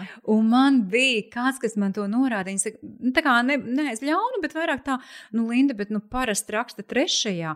Es saku, Nē, bet es taču, kurš labāk, ja es pati varu par sevi uzrakstīt? Un man tā kā likās, bet tur bija tāds, tas bija tāds gan tāds reflektīvs moments, gan arī um, atbildības moments. Es, Es to tekstu rakstīju stundu vairāk. Varbūt es mēģināju domāt, kas ir tas, kas es esmu, ja, un kā es to varu pateikt arī šīs grāmatas kontekstā.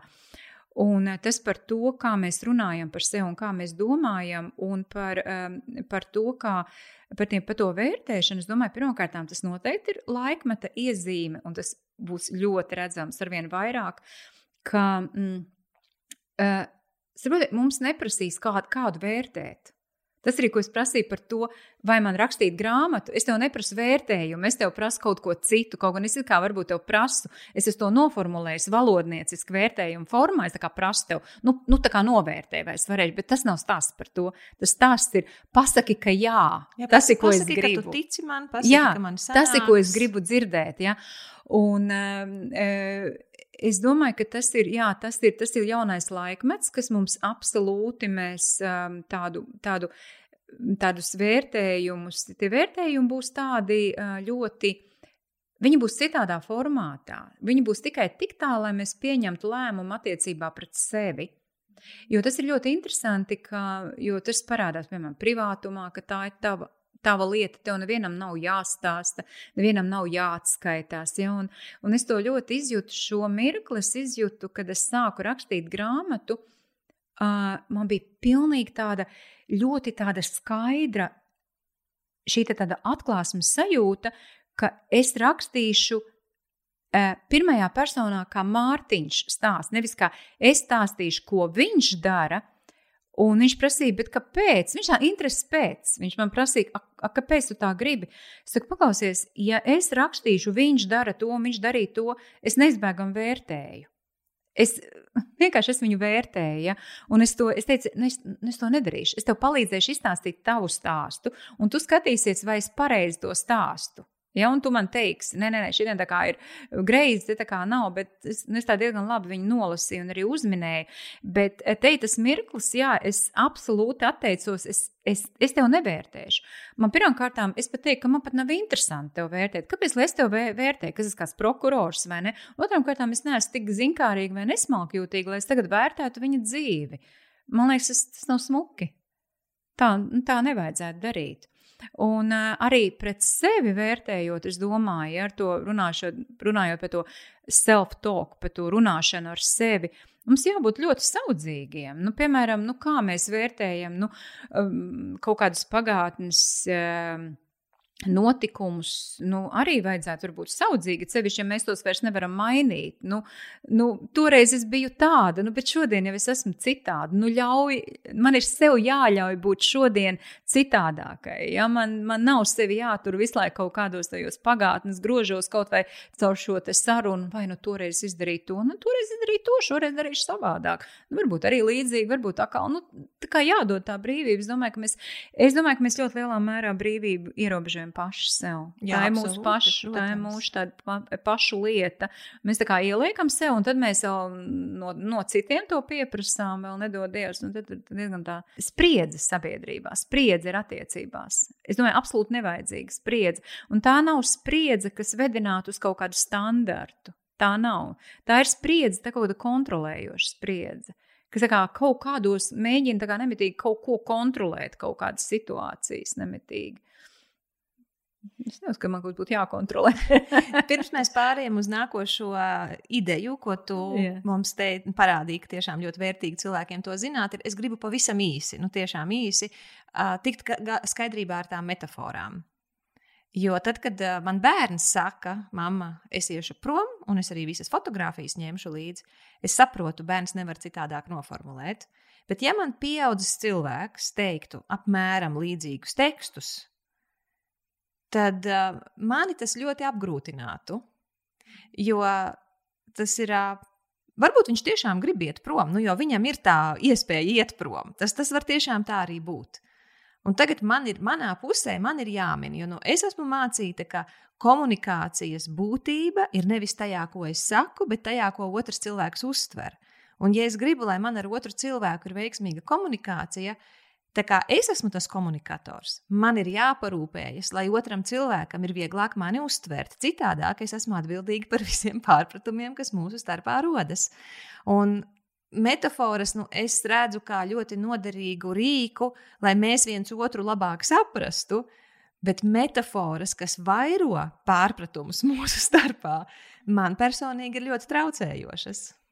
Jā, nu te ir tas līdzsvars, jo es domāju, ka mēs metaforus izmantojam tad, lai pateiktu kaut ko, ko mēs nevaram pateikt tiešā vārdā, nosaukt vienā vārdā. Es domāju, ka tur ir, tur jau, tā, tur jau tas tā valodas un domāšanas radošā funkcija.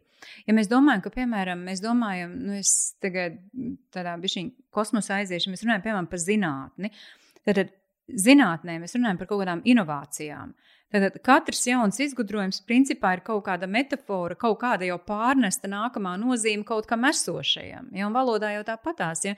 Mums ir kaut kāda, piemēram, kaut kādas domas, kaut kādas sajūtas, un mēs nezinām, kā to sauc.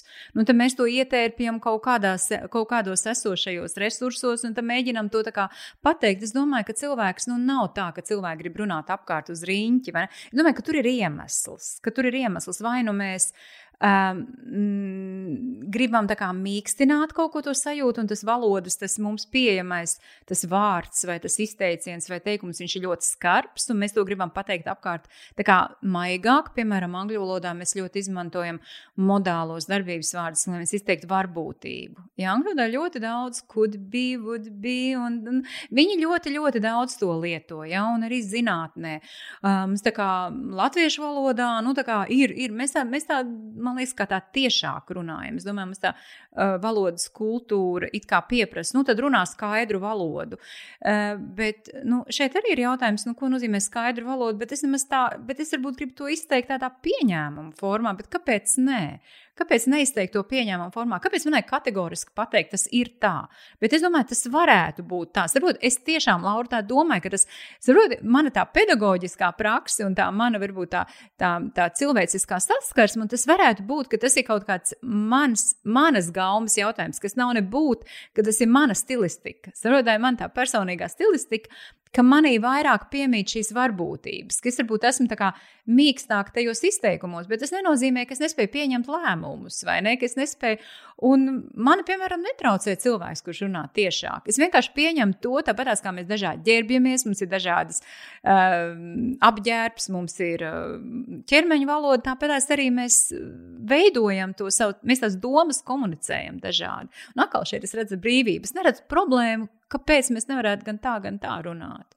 Un ir cilvēki, piemēram, kuriem ir. Um, kuri ļoti daudz izmanto visādus poētiskus, tēlēnus, izteiksmes līdzekļus. Nu, viņi tāds krellītis, tās tādas varo, nu, viņš tur ir mm, izrotājs. Nu, cita kā ļoti lakoniski ir. Un tur tā ļoti interesanti tas viss ir. Man liekas, ka mm, es domāju, ka tur nav vaina vainu. Labi. Man liekas, nav vaina vaina. Es arī respektēju otra cilvēka izvēli dzīvot tā, kā viņš vēlas, bet, ja mums ir mijiedarbība, Mm -hmm. Un otram cilvēkam no manis kaut ko vajag, un ir vajadzīga mana mijiedarbība. Ja mēs esam divi partneri, nu tad man ir svarīgi, lai mēs atrodam veidu, kā tā otra cilvēka komunicētās metafāras man ir viegli uztveramas. Jo, ja man katru reizi ir jāizmežģīs smadzenes, domājot, ko nez ar to metafāru tas cilvēks mēģināja pateikt, un, ja nedod Dievs, tas otrs vēl uzmet lūpu, Ja? Reku Linda pateica, es drīkstu runāt metaforās, jo tā ir, tās ir šobrīd vienas no manām bailēm. Ka tagad cilvēki, tie, kam īpaši jau ir problēmas ģimenes komunikācijā vai attiecību komunikācijā, kaut vai tie būtu biznesa partneri, aizies un teiks, ko jūs nesaprotat manas metaforas, jūs esat neelastīgi cilvēki. Nu, es tā kā no vienam to nenovēlu. Es, protams, novēlu jebkuras metafāras, kas otram dod lielāku nu, brīvību, kas paver iespējas, jā, jā. kas palīdz dziedināties, kas palīdz atrast risinājumus uz priekšu. Bet, ja ir nu, tā, ka ir, ja ir, cilvēks komunicē vajadzības, un es pēc tam esmu atbildīga, ka es to metaforu neuztvēru, es vienkārši nesadarbojos. Nu, jā, bet tas ir cilvēku. tas novērtējums, bet tas jau ir tas vērtējums tā cilvēka, vai ne? Tas, kas ar tevi runā, nu, viņam taču ir jāizvērtē, vai ne? Vai viņš tur, vai, nu, vai tu sapratīsi tieši tā, vai viņam ir, tur ir būtiski, teiksim, nolasīt, un otrām kārtām. Nu, tu jau redzēsi, ja tas cilvēks tiešām manipulatīvi to lieto, nu, tas vienkārši ir, tas vienkārši ir nesmuki. Ja? Ka viņš tā kā tev negrib pateikt tiešā veidā, un pēc tam pateikt, pagaidi, bet tu jau mani nesaprati. Bet tā ir tāda manipulatīva valodas lietošana. Es par to nerunāju. Es runāju vairāk metaforiski kā tādu radošu potenciālu, kā varbūt pateikt. Uh, vairāk nekā varbūt tev valodas resursi tajā brīdī ļauj. Es to tādā veidā mm -hmm. domāju, nevis manipulatīvi. Tas man liekas vienkārši neglīti, un, un to mēs pat varam redzēt šos te manipul manipulatīvos tekstus. Mums jau nav tā jāiet tie pat juridiski teksti, ja, ka tur nu, kaut kas un tur viens vārds pēkšņi tā, nu skaidrs, tur vienkārši ir valoda ir izmantot un tiek izmantots tas cilvēka varbūt uz, uzticēšanās moments, ka viņš katru vārdu neizanalizēs, un viss tur tas vārds ir iekšā, nu pats vainīgs neizlasīja, parakstīja. Ja? Un tas ir man, tas ir nesmuki. Ja? Nē, es nerunāju par tādām lietām. Mm -hmm. Es Tātad... nerunāju par tādām, es runāju par tādām, kur mēs, kur mēs to darām godprātīgi. Un kur Tā, mēs ar jā. metaforām kopā ja, ja, sar, ja tā ir saruna starp diviem cilvēkiem, kur mēs ar metaforām iegūstam vairāk, gan tu, gan es. Jā, es, piemēram, nu, kaut kādas lietas man jau liekas, ka ir ļoti, ļoti, ļoti interesanti, ja tu vari par kaut kādām lietām, nezinu, aprakstīt, piemēram, kaut kādas savas sajūtas. Nu, tu vari vienmēr tā ielikt savos vārdos. Es domāju, kaut kādas, nu, es domāju, kā es tagad jūtos, vai ne, un tad es stāstu to caur kaut kādām citām jā, lietām. Jā, jā, es bieži, Es bieži jā. lietoju, man patīk justies kā dzirkstošam šampanietim. Jā, jā nu, nav nu, jau tā, ka man te burbulīši kaut kāda. Nu, skaidri, bet es ne, uzreiz bet saprotu. saprotu. Es uzreiz saprotu, vai ne, kā tu jūties. Nu, un um, es teiktu, es esmu, piemēram, nu, šodien kā raķete jūtos. Ja? Nu, cilvēks saprot, kas tas nu, ir metafora. Mm -hmm. ar, un ar to man absolūti, ar to, jā, to es pieņemu, jā, jā. par to es priecājos. Jā, Bet, jā. Uh, ja cilvēks formulē savas vajadzības metaforas veidā, un es reaģēju uz to tiešo līmeni, nu, kā piemēram, tu saki, jā. ja pie manis atnāk uh, kāds, saka, es gribu rakstīt grāmatu, uh, ko tu par to saki? Nu, ja jā, piebilst, kādu, jā. Nu, tad es varu arī pateikt, ko es par to saku. Nu, varbūt tev vēl jānogaida kāds gadiņš, vai divi. Es to nesaku tev nekādā gadījumā. Jā, jā, jā, bet, jā. ja man prasa, ko tu saki, bet ja man saka, es gribu rakstīt grāmatu, nu es tagad tā kā meklēju. Kāpēc es to varētu darīt? Nu, tad es atkal atbildēšu, kāpēc tu to varētu darīt, un es tev neteikšu, kāpēc tu to nevarētu darīt. Nu, kā, -hmm. ja, ja, ir, ja man ir jānodrošina pretī kaut kāda vajadzība, nu, tad lieto metaforas, kamēr tu pats neredzi situāciju, kur es jā, reaģēšu jā. uz tieši to, ko tu man paprasīji. Es domāju, ka tur ir konteksts arī. Mm -hmm. Ir jau, mēs jau paņemam, mēs jau tomēr tagad tos piemērus, ko mēs šodien apspriežam, mēs viņus tā kā ārpus konteksta mm -hmm. arī paņemam, mēs viņus paņemam ārpusē arī no kaut kāda. Uh, personīga konteksta, vai ne? Kādā, kādās attiecībās mēs abas esam, vai ne? Kuram cilvēkam tu dos tiešā veidā, teiksim, padomu, un kurā tu teiktu, uh, O, jā, tas ir interesanti. Un viss, un tur neko vairāk, un varbūt tas arī viss, ko viņš grib dzirdēt. Viņš kā, À, viņa teica, ka interesanti, ka okay, labi, un viss tas, viss, kas man ir vajadzīgs. Ja? Mums būtu ļoti būtiski uh, izšķirt starpības starp informēts cilvēks un domājošs cilvēks. Ja? Tātad uh, mūsu izglītības sistēma ir lielā mērā vērsta uz to, lai mēs būtu informēti par kaut kādām lietām un pie tam vēl īstermiņa atmiņā. Tātad tas ir uz kaut kādu laiku, mums ir kaut, kāda, kaut kāds informācijas apjoms, un mēs šo informācijas apjomu varam atstāstīt, kaut kur izmantot. Bet informēts cilvēks nav tas pats, kas domājošs cilvēks. Un te mēs, piemēram, varam paskatīties kaut kādus piemērus, kur ir, ir tādas televīzijas spēles, kur ir ielikās cilvēkiem uzdod jautājumus visādiem faktiem, ja, un tad viņi tur, nu, tad tur nu, staigājošās encyklopēdijas principā, ja, varētu padomāt, redz, cik gudrs cilvēks. Varētu būt, ka viņi ir gudri, es nezinu, bet tas nenozīmē, ka viņš ir spējīgs arī domāt, ka viņš kontekstuāli, es, ka viņš ir spējīgs ļoti efektīvi to informāciju izmantot ikdienas vajadzībām. Tas nav teikts, ka viņš ir spējīgs, ka viņš, piemēram, ļoti labi risina problēmas, viņš prot attiecināt kaut, kādus, uh, kaut kādas informācijas nozīmību uz esošo situāciju un tā tālāk. Tas, tam, tam nav tieša saistība. Protams, tas par kaut ko liecina, bet bieži vien tas liecina par ārkārtīgi uh, labu atmiņu vai, teiksim, ļoti trenētu atmiņu uz kaut kādām specifiskām lietām. Ja? Tad uh, atmiņa arī ir, um, tā ir tāda, tā ir plašāka tēma un um, Atmiņa mums ir vajadzīga, bet atmiņa jau nav domāta, lai mēs atcerētos tikai kaut kādus atsevišķus tekstus. Ja? Atmiņa man, man, piemēram, vairāk interesē atmiņa kā domāšanas elements, kas mums palīdz visu laiku teiksim, šajā darba, darba atmiņā rīkoties. Ja? Tad atmiņa, kas mums ļauj fokusēt, piemēram, arī priekš tam mums ir vajadzīga ja? atmiņa. Un es domāju, ka tā ir viena lieta, ko, ko cilvēki var trenēt, ja šo koncentrēšanās spēju. Un, um, tātad, uh, bet runājot par domājošu, cilvēku. Es atceros, ka mm, man, tas, man tā pirmā saskarsme ar šo te bija, kad es stājos Kembridžā un man uh, lūdza rakstīt esejas par kaut kādām tēmām. Un kaut kas tur bija samērā vienkārši tie jautājumi. It kā vienkārši, es domāju, nu kā nu viņi paši nezina, tas ir vienkārši. Tur, tur tā kā var atbildēt, bet viņi tur ielika ļoti interesantā kontekstā šos jautājumus. Un es tikai pēc tam uzzināju, ko viņi patiesībā pārbaudīja. Viņi pārbaudīja Kā tu domā, kā tu šo informāciju vari pagriezt kaut kādos interesantos, radošos Ehm, kaut kādos ra, radošos risinājumos. Un viņai ļoti interesēja, ka tu varētu arī kā, nepierasti domāt, kā netradicionāli, nepieņemt. Un viņiem tas ļoti patika. Un tas bija tas, pēc kā viņi acīm redzot, arī izvēlējās cilvēks. Principā tāds, tāds, um, tāda drosme padomāt ārpus šiem rāmjiem. Ja? Tātad nevis tur nosaukt kaut kādus faktus, tad notika tas un tas, vai tas ir tas un tas. Ja? Tad tas Tas, principā, neliecina par, par domāšanas kapacitāti. Ja? Un tad nu, šeit arī ir tas jautājums par to, kā mēs varam trenēt savu domāšanu. Un tad, nu, piemēram, augstskolā es mācu tādu priekšmetu kā kritiskā domāšana. Te es um, izšķiršu pēc tam vēlāk pastāstīšu arī, kas ir nekritiskā domāšana, ja šī neracionālā domāšana. Nu, runājot par kritisko domāšanu. Uh, nu, Pirmkārt, es iesāku savu, savu lekciju kursu ar uh, tādu huligānisku tēzi. Es pasaku, ziniet, Principā, lai jūs varētu kritiski domāt, jums vienkārši ir daudz jālasa. Ejiet mājās un sāciet lasīt. Ja? Viss vis lekcija ir beigusies. Ja? Un to arī teici, ja? to arī teici, ko lasīt? Ziniet, ļoti daudz ko ir jālasa. Gan Tolstojs, gan ir jālasa par psiholoģiju, gan ir jālasa par ģenētiku, ir jālasa arī ēdienu recepts, ir jāzina, ar ko cilvēks šodien nodarbojas. Tāpat tās mums ir jāzina, piemēram, par kaut kādām lietām, kas notiek sociālos tīklos un tam līdzīgi. Un šeit es došu piemēru. Uh, Un, eh, nu, protams, ir kritiskai domāšanai, ir eh, tā saucamās domāšanas kļūdas vai kaut kāda tāda kritērija, kas mums palīdz domāt kā, labāk, pareizāk, labāk, tīrāk un teiksim, neiekļūt kaut kādos slazdos.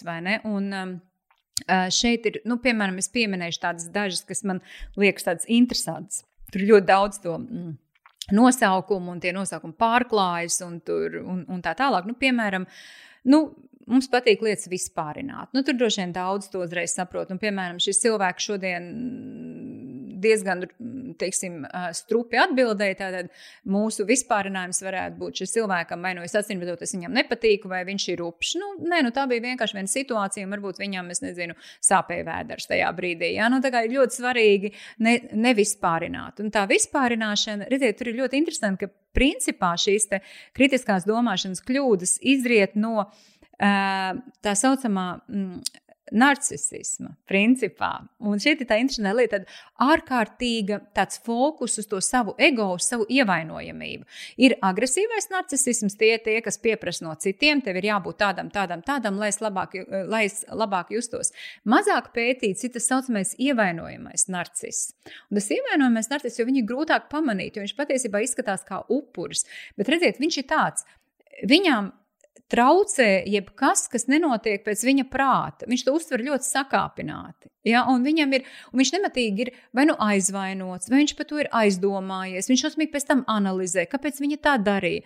Viņa nedarīja, viņa, viņš vienkārši tā notika. Tas cilvēks neko speciāli ne pret tevi nebija vērsts, vai bija kaut kāda situācija, es nezinu, vai vējš caurvējš varbūt bija un, un kaut kāda situācija, un tas cilvēks kaut ko pateica. Ja, tev, tad, un šis te mūsos ļoti, piemēram, jā, viens no kontrolas mehānismiem ir šis te ievainojamais narciss sevi. Ja, tas, nu, mēs kādreiz sakām, kompleksains cilvēks un tā tālāk, bet nu, par to ir vērts arī padomāt. Un, piemēram, um, kur ir liela kļūda, ko es redzu, ko studenti tipiski pieļauj, ir ir tā saucamā uh, sasaistes kļūda vai korelācijas kļūda. Piemēram, saikne Instagram lietotājiem un depresijai.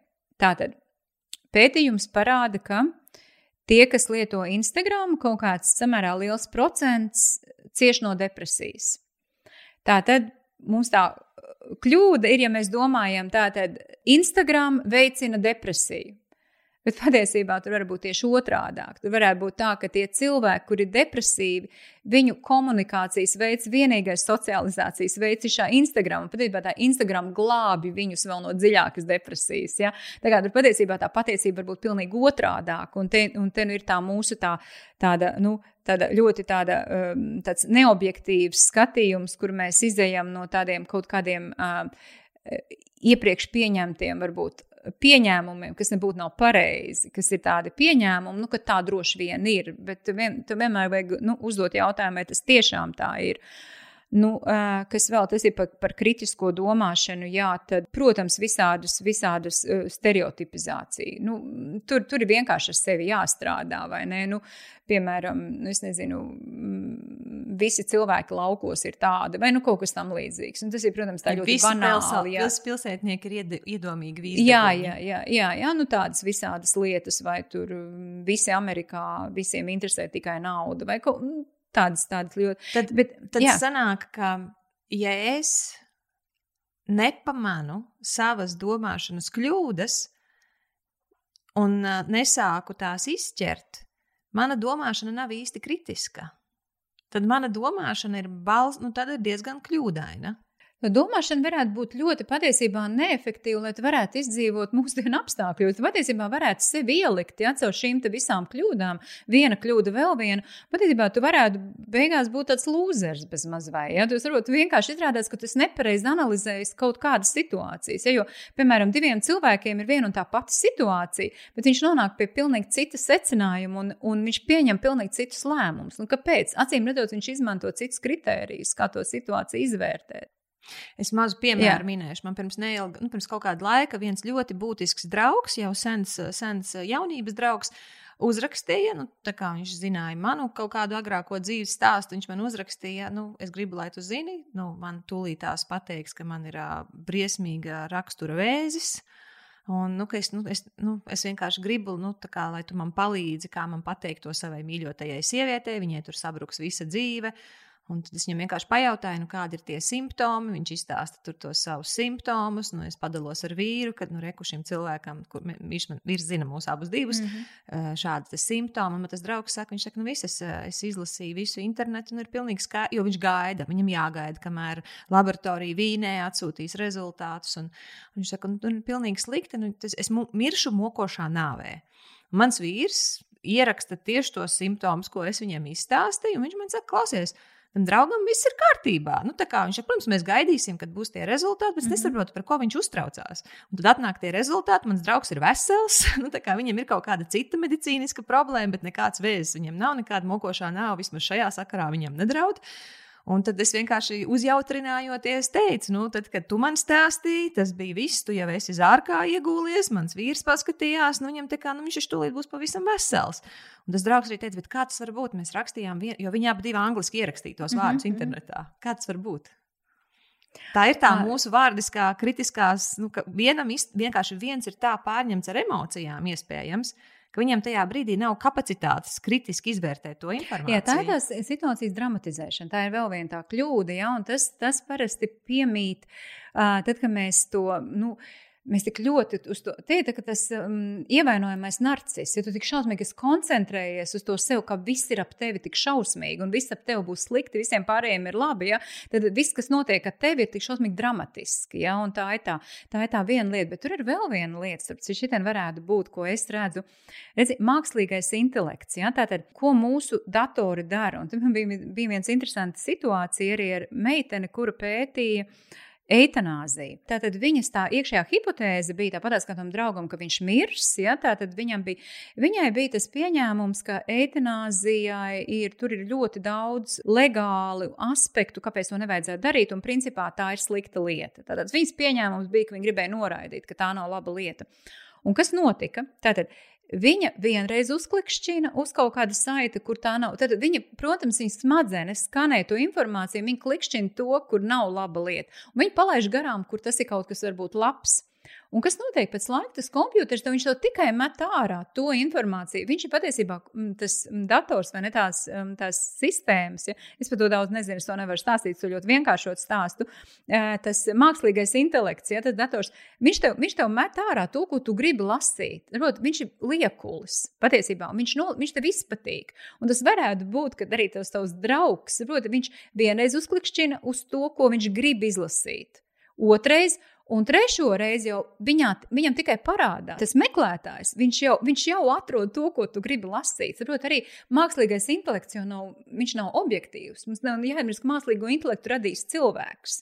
Un arī mākslīgam intelektam varētu prasīt, kāpēc viņš nav objektīvs. Nu, viņam taču arī ir kaut kāda kapacitāte. Nu, viņš nevar apstāt, viņš to nevar izmest. Viņš taču zina, ka tu droši vien lasīsi, es nezinu, varbūt desmit, tur teiksim, kaut kādus virsrakstus un attiecīgo informāciju, tad viņš tos liek prioritāri. Nu, viņš, viņš taču nesagaida, ka tu lasīsi nezinu, tūkstotis lapas puses. Protams, ka kaut kur parādīsies arī tā, tā, tā pretējā informācija. Bet viņš tev met to, un tu tikai to, nu, tu to arī izlasi, un tev rodas priekšstats, ka pasaule ir tāda. Bet, Jā, nav. jo mēs tieši runājām, Jā. ka mūsu sarunas temats šodien ir, kā valodas lietošana ietekmē mūsu domāšanu, mūsu jaudu. Un no tā, ko tu tikko pateici, es tagad saprotu, ka arī tas, kā es komunicēju ar savu datoru vai savu telefonu, piemēram, kad es lietoju šos search engines, uh, tie vārdi, ko es izvēlēšos, jo es pieņemu, ka mans draugs bija noformējis, noformulējis kaut ko vienkārši tur ieraksta, tur pazīmes un diagnoze. Un es pieņemu, ka mans vīrs bija ierakstījis kaut ko tās pazīmes un jautājumu, vai tas varētu būt kas cits nekā vēzis. Jā, viņš bija pieļāvis šo iespēju, ka ies, tas nav. Jā, jā un tāpēc un visu, viņam, viņam bija cita informācija. Tātad, lai mēs būtu pēc iespējas objektīvāki, mums ir jādomā ne tikai par to, kā mēs domājam, mums ir arī jādomā, kā mēs komunicējam savu vajadzību pat, pat datoram. Jā, jo arī dators, dators ir mūsu sarunu biedrs. Nu, tas taču tā ir, vai ne? Jo mēs viņam uzdodam jautājumu, pareizi. Tātad viņš un viņš mums atbildēs. Un tas ir kā viņš atbild. Un es saprotu, tā meitene, kur rakstīja par to eitanāziju, ka viņa to saprata tajā brīdī, kad viņa bija runājusi ar savu draugu, un viņa bija stāstījusi, jā, redzi, tiešām es atrodu informāciju, tas tiešām tā ir tā ir slikta lieta. Viņš saka, es, ieg es iegūlēju, man tā nerādās. Viņš saka, pagaidiet, bet arī Google meklē. Jā, nu tad viņš nav to, viņš nav to savu, savu to sarunu biedru, ja to datoru jau iekodējis uz šo, šo subjektīvo, ja, šo, šo, šo specifisko viedokli. Ja, un tas dators viņam dod dažādu informāciju. Viņš arī tā, nu, viņš arī tā brīvāk skatās uz to visu. Ja. Viņš, nav, viņš, nav, viņš nav ieciklējis to savu mākslīgo intelektu, to savu sarunu biedru. Ja. Nevajag iedomāties, man liekas, ka kādreiz ir slikti, mēs iedomājam, ka tas um, mūsu visas programmatūra, ka tā ir nenormāli objektīva. Nu, viņi nevar būt objektīvi pirmkārt, tāpēc, vien, ka cilvēks to ir izdomājis, un cilvēks nevar būt pilnīgi objektīvs. Otrām kārtām tur ir kaut kāds resurss. Ja? Nu, viņš, viņš nevar apstrādāt absolūti visu informāciju, un arī pat, pat zinot to, ka viņš to pat nepiedāvās visu, zinot to, ka tu viņu pati nemaz neapskatīsies. Jā, un ja mēs vēl skatāmies, kas ir blakus ieguvējs, jo Google tā ir naudas pelnīšanas mašīna naudu, kā viņi pelna ar reklāmām. Jo es ilgāk pavadu tur laiku, jo Jā. tāpat tās mēs varētu par sociālajiem mēdījiem arī teikt, jo vairāk laika es tur pavadu, jo lielāku naudu viņi nopelna. Es pavadīšu laiku, ja man tas būs interesanti, ko es tur atrodu. Un biežāk interesanti ir tas, kas, kas, kas man jau saskana ar to, tā. ko es domāju. Tieši ne kaut kas jauns, kaut kas jauns, bet lielākoties, kas saskana. Ja savukārt man tur ir kaut kas šokējošs, es to vispār nespēju ņemt pretī, es aizcērtu ciet un visu, un viņi nevar pelnīt naudu. Es tā kā uz veikalā. Ja tu ieej veikalā un tā pārdevēja būs gudri, viņa ātri noskanēs un sapratīs, ko tev piedāvāt, kas ir tavs. Tā pārdevēja, kas tev piedāvās kaut ko, kas nav tavs, nu, tu, tu to tā veikala izskries ārā un tu pateiksi, es tur vairs atpakaļ neiešu. Ja? Un tas tas pats, tad viņi, tev, viņi jau tevi nolasa, ja, jau noskanē. Un, ja viņa pārdevēja tev noskanē pēc tava, teiksim, vizuālā izskata, tad viņš paskatās, kas ir tas, ko tu meklē, ko tu domā, kāds ir tavs prāta stāvoklis, kādus vārdus tu izmanto. Tur taču tas viss ir iekšā mākslīgais intelekts, viņi, viņi, ir, viņi ir gudri, viņi tur visi ir sakodējuši. Bet tur ir viena ļoti interesanta lieta, kas mums, um, ko mākslīgais intelekts nedara. Un tas man aizvedīs varbūt pie nākamās tēmas, es drīkstu, kas ir nekritiskā domāšana. Jā, kas nav, nav, nav, nav šī racionālā. Ja mēs runājam par šo racionālo, to kontrolēto, tad mums ir kaut kāda veida, kā mēs varam kontrolēt. Ja mēs to apzināmies, mēs varam kontrolēt, kā mēs domājam. Ja nemitīgi tā kā, paga, paga, kas tas tāds bija, kāpēc es tā darīju. Ja mēs varam kā, pado, mēs, mēs domājam par to, kā mēs domājam, ja šī, te, šī te metafizika. Par ko tagad aizvien vairāk runā, ir runā par šo te nekritisko domāšanu vai šo ķermenisko domāšanu, kaut kādas šīs sajūtas. Mēs nemākam viņas izkarot. Mums viņas ir kaut, kādās, kaut kādā apziņas līmenī, kaut kādā sajūtu līmenī. Viņas ir piemēram. Tā pati valoda. Mēs jau neapzināmies, ka mēs, ka mēs domājam caur valodu. Arī tas, tas pieder. Ja? Mēs zinām, ka tas var būt tur kaut kāda struktūra, tiek, nu, tiek izmantotas, tāpēc arī man tik viegli nenāks to pastāstīt, jo mēs vienkārši mēs Mēs īsti nezinām, mēs pieņemam, mēs saprotam, ka tur kaut kas ir, bet mums jau nav pierādījums. Man jau nav tāds rengens, kur mēs tagad smadzenēs redzam, šeit ir valoda, te viņi izmanto to un to. Bet mēs tikai secinām pēc, to, pēc tā, kā mēs lietojam valodu. Um, vai, piemēram, uh, par to, kā mēs domājam telpiski, kā tel telpa ietekmē mūsu domāšanu. Ja, piemēram, ja mēs ilgstoši uzturamies slēgtā telpā, piemēram, paņemsim tādu ekstremālu piemēru cietums. Cilvēkiem degradējas vispārējās domāšanas spējas, ne, ne tikai telpiskās. Ja? Tātad šī cilvēks nav domāts, viņš nav radīts evolucionāri pēc būtības būt ilgstoši slēgtā telpā. Cilvēks vispār ir radīts, lai viņš redzētu diezgan lielu plašumu. Piemēram, kāpēc mums patīk būt pie jūras, pie okeāna. Kāpēc? Vēl vairāk nekā mežā. Mežs ir laba lieta. Ja? Mums patīk tur mm, putni un tur ir visādi citādi stimuli, kas mums ļoti, eh, kas mums liek labi justies. Bet kaut kā, kad mēs dosimies atvaļinājumā, es došos pie okeāna, pie jūras. Tad šis plašums mums ļauj smadzenēm. Es nedomāju, ka tas varbūt ir atpūsties. Mēs atpūšamies caur to, ka smadzenes strādā citā režīmā es, es domāju, ka smadzenes mēs nekad neizslēdzam. Mēs pat sapņojam. Ja? Mēs pat, mums pat nav pierādījumu, ka mums smadzenes nestrādā naktī, bet viņi strādā kaut kādā citā režīmā. Tur ir tā liela, liela problēma ar smadzenēm. Ja? Mēs, nevaram, mēs, nu, mēs nevaram pateikt, ka cilvēkam nedomā par rozā zilonīti. Ja? Viņš par visu, ko viņš domās, ir par rozā zilonīti. Ja? Un tu nevari pateikt, nedomā par to. Tā ir absolūti mm, nevērtīga, manuprāt, klišeja. Tu vari, visu, ko tu vari darīt, tu vari sākt mēģināt domāt par kaut ko citu. Ja? Piemēram, es mēģinu nedomāt par mākslu Mārtiņa grāmatu vairāk. Nu, man nav veids, kā es varu nedomāt. Man vienīgais veids, kā es varu nedomāt, ir sākt rakstīt citu grāmatu. šis, te, šis patiesībā nu, tā kā, tādā iekļūst tādā, nu, tādā cilpā, ja? bet, bet man nav cita veida, kā es varu nedomāt, tāpēc, ka mans prāts strādā, tāpēc, ka tā ir mana realitāte pašlaik. Man vienīgā iespēja ir sev veidot citu realitāti, kas mani no tās realitātes tā atvirza, to varbūt to fokusu, man mm, ieliek man citā fokusā. Un eh, runājot, jā, piemēram, par telpu, ja mēs paskatāmies, piemēram, Norvēģijas cietumus, nu, kāpēc viņiem ir šīs ja viņi kalnos, un tur viņi iet ārā, un viņiem ir um, tas ainavas, un tur ir kalni, un kas tik, kas tik tur nav fjordi un tā tālāk. Tāpēc, ka viņi domā par to, kāds būs tas cilvēks, kad viņš iznāks no tā ieslodzījuma, ja, vai viņam nebūs degradētas, protams, mentālās spējas, pavisam vienkārši, vai viņš nebūs psihiski principā nevesels. Viņam ir jāiznāk ārā, lai viņš būtu sabiedrības loceklis. Viņš jau skatās tālāk. Ja viņam jābūt psihiski veselam, ja viņš nebūs psihiski vesels, visdrīzāk viņš atkal kaut ko izdarīs. Ja? Tur mēs vienmēr tas šaks jāspēlē uz priekšu. Ja? Nu, piemēram, šis ir, šis, šis ir par, to, par, to te, par, par telpisko domāšanu. Nu, mēs neizbēgam domājam caur smaržas kaut kādas sajūta. Mēs jau to pat vairs nepiefiksim, mēs to nejūtam, ja? bet mēs redzam smaržas, kaut kādas izsaucas, kaut kādas atmiņas, vai ne? tad mums ir garšas izjūtas kaut kādas, vai ne? Nu, Arī es minēju, ka man liekas, ka prosa ir ļoti garšīgs, ir ļoti ga, garšīgs graudaugs, bet es to nevaru iest, jo man tas asociējas ar bērnu dārstu, kur to spiedēst, un visam es nevaru iest prosu, ja? kur es saprātu saprotu, ka tas ir ļoti, ļoti veselīgs produkts. Nu, kaut kādas lietas, nu, es sev tā kā nelaužu, es varu griķus ēst, man nav jāēd prosa, piemēram, ja? un tad, nu, es sevi mīlot, es nemēģinu sev spiest ēst kaut ko, kas acīm redzot, mani tā emocija ir tik bijusi kaut kādā veidā traumatiska, un es no viņas netieku vaļā, bet es varu kaut ko ar kaut ko aizstāt. Un mums, parasti, mums, paldies Dievam, ir kaut kas, ar ko mēs varam aizstāt. Vai mēs, piemēram, domājam, Tad mēs nedomājam, ka kompjuteri tādā tiešām mums nav, piemēram, ir problēma un problēma ir jārisina. Domāšana ir tāda cilpveidīga.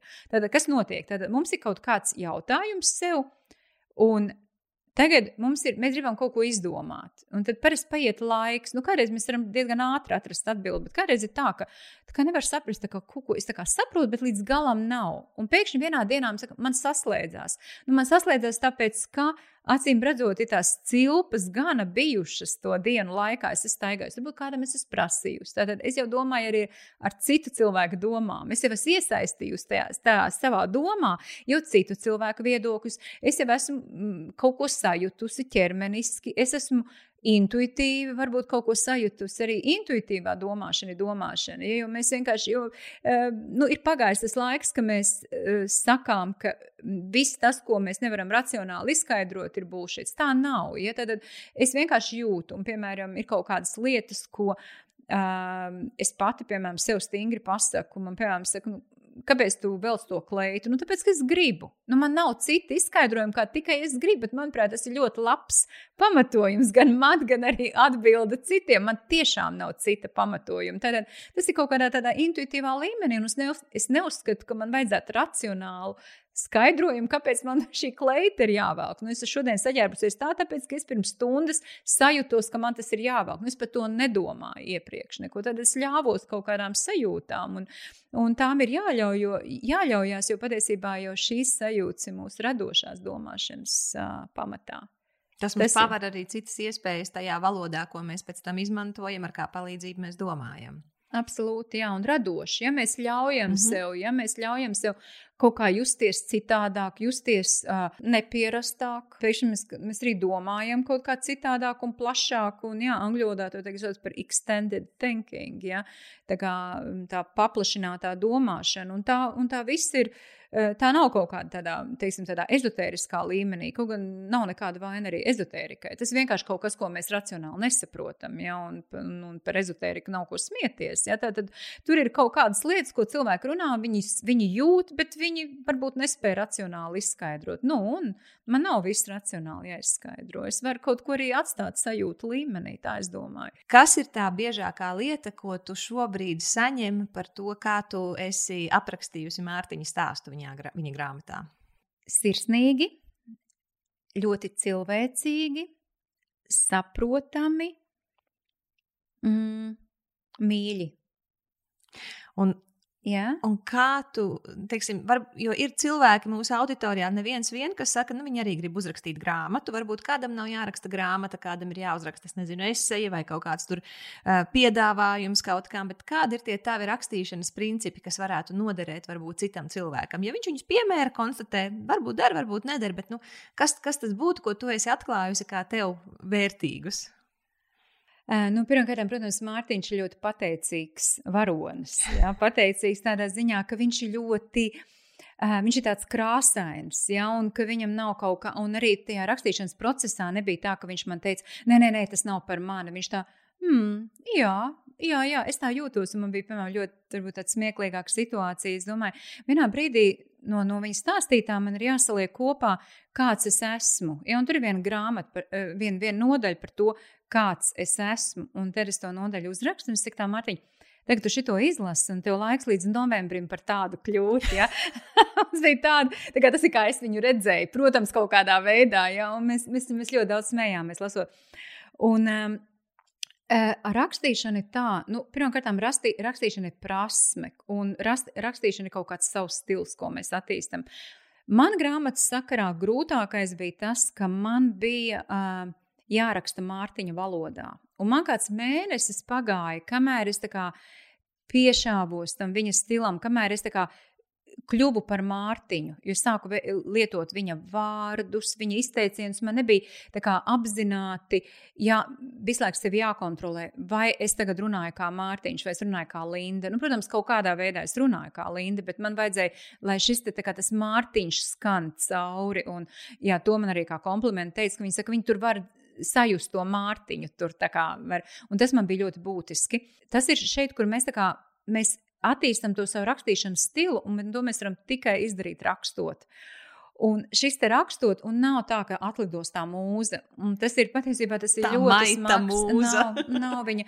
Nav viņa. Un, saprotiet, tur bija tā, un ko es darīju, un nu, man bija arī tā disertācijas pieredze, paldies Dievam, bet es to, es to uztvēru kā tādu iešanu uz darbu katru rītu. Tātad man bija Es apsēdos un es zināju, es tagad līdz 12, 4 stundas rakstīšu, viss man ir durvis cieti, klusums, es rakstu, es strādāju. Es burtiski tā kā, ne tā kā grāvi raku, es biju pārgurus pēc tam četrām stundām. Es biju ļoti, ļoti vienkārši ne, nevis tā kaut ko tur, kaut ko internetā, kaut ko pagūglē, nē.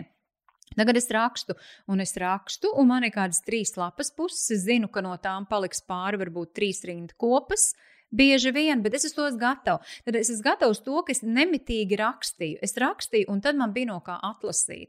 Rod, nebija tāda sajūta, ka tagad, nu, šī ir tā viena diena, un viss tik viegli, un man tur trīs, četras lapas būs, nu, kaut kā nevien, nu, man tas nenāca tādā veidā. Man tas nāca caur tādām, caur sviedriem, tādu ļoti, caur ļoti smagu darbu, bet es to vienkārši pieņēmu, ka tas tā ir. Un es pieņēmu pavisam vienkārši patiesību, ka nekas nenāk viegli. Nu, tas nav, ja, tu, ja tas būtu viegli, tad mēs visi rakstītu grāmatu grāmatas. Ja? Man tā šķiet, vai ne? Tad tas būtu šausmīgi vienkārši, un tad viss tik sēdēt un rakstīt grāmatas. Nu, Atcīm redzot, tas nav tik viegli, un es to pieņēmu kā tādu racionālu, um, tādu.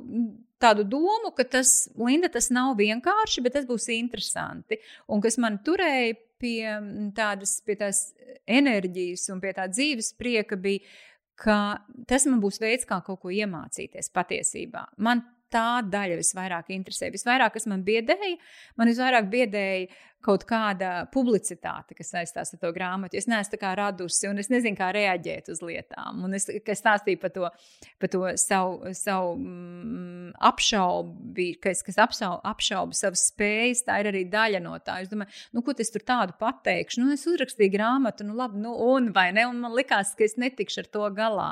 Tā kā man, es... tas visvairāk man biedēja tajā visā publicitātē. Man gribas padalīties. Ir Jā. tāda autore, Glenna Doyle, mm -hmm. un viņa vienreiz kaut kā kādā sarunā, nu tā tiešām izbēsījās. Viņa saka, kāpēc man, kā rakstniecēji, prasa, lai es pastāstu par savu grāmatu? Reku grāmatu, lasiet grāmatu.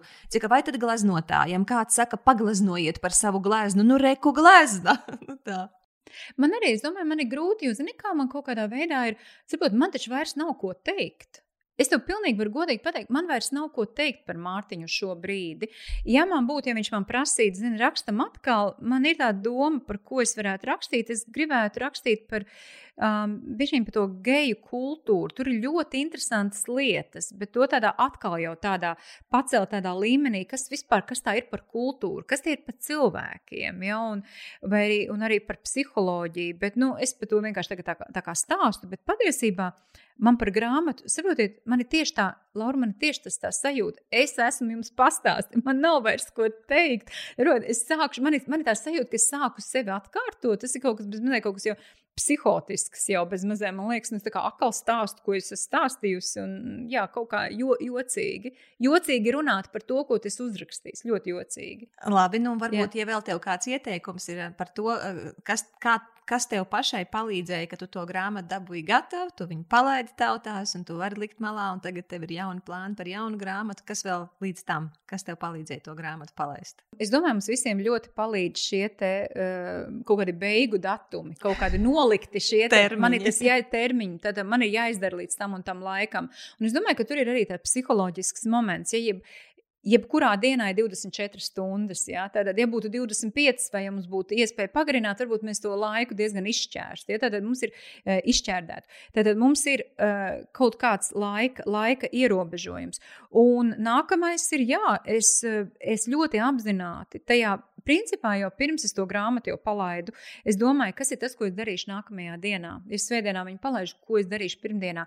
Jo man bija, mm, no kā es ļoti uzmanījos, es negribēju iekrist kaut kādā tukšuma, grūtsirdībā un kaut kādās jocīgās pārdomās, kaut kādas, kuras man varētu kaut kur aizvest, nezinu, kur, kaut kādās varbūt, um, paldies Dievam, tas nenotika, bet kaut kādā varbūt sevis apšaubīšanā, varbūt pēkšņi, nu vai bija gana labi, varbūt vajadzēja darīt savādāk, un tas būtu pilnīgi bezvērtīgi. Tā kā es ļoti, ļoti apzināti ķēros klāt pie kaut kā cita, lai man nebūtu šīs absolūti bezjēdzīgās sajūtas un domas, pat sajūtas, nevis tikai domas. Varbūt tu kā ieliec sevi jau kaut kādos nākamos darbos, viss šis profils slēgts, ejam tālāk. Un, uh, tas ir kā es tagad jūtos. Un cik laika ziņā tev prasīja šīs grāmatas uzrakstīšana? Uh, desmit mēneši.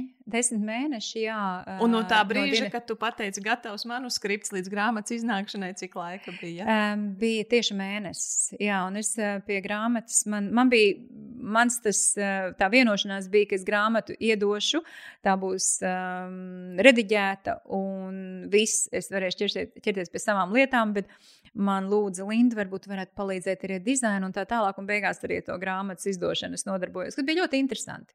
Kas patiesībā bija ļoti. Es neko par to nezināju, ne par grāmatas vāku, bet tad man bija interesanta lieta, ko man teica. Es teicu, es ne, ko, ko es saprotu no fotografijām. Viņa saka, Lindu, ja kāds cits to darīs, viņš to izdarīs pēc sava prāta. Bet, ja tu to darīsi, tu, tu principā vislabāk zini, kā tam būtu jābūt. Es nezināju, es jūtu, es, es jūtu, kā tam bija jābūt. Nu, man nebija, piemēram, vāka dizains, man, man, nu, man nebija ideja, kā tas varētu būt.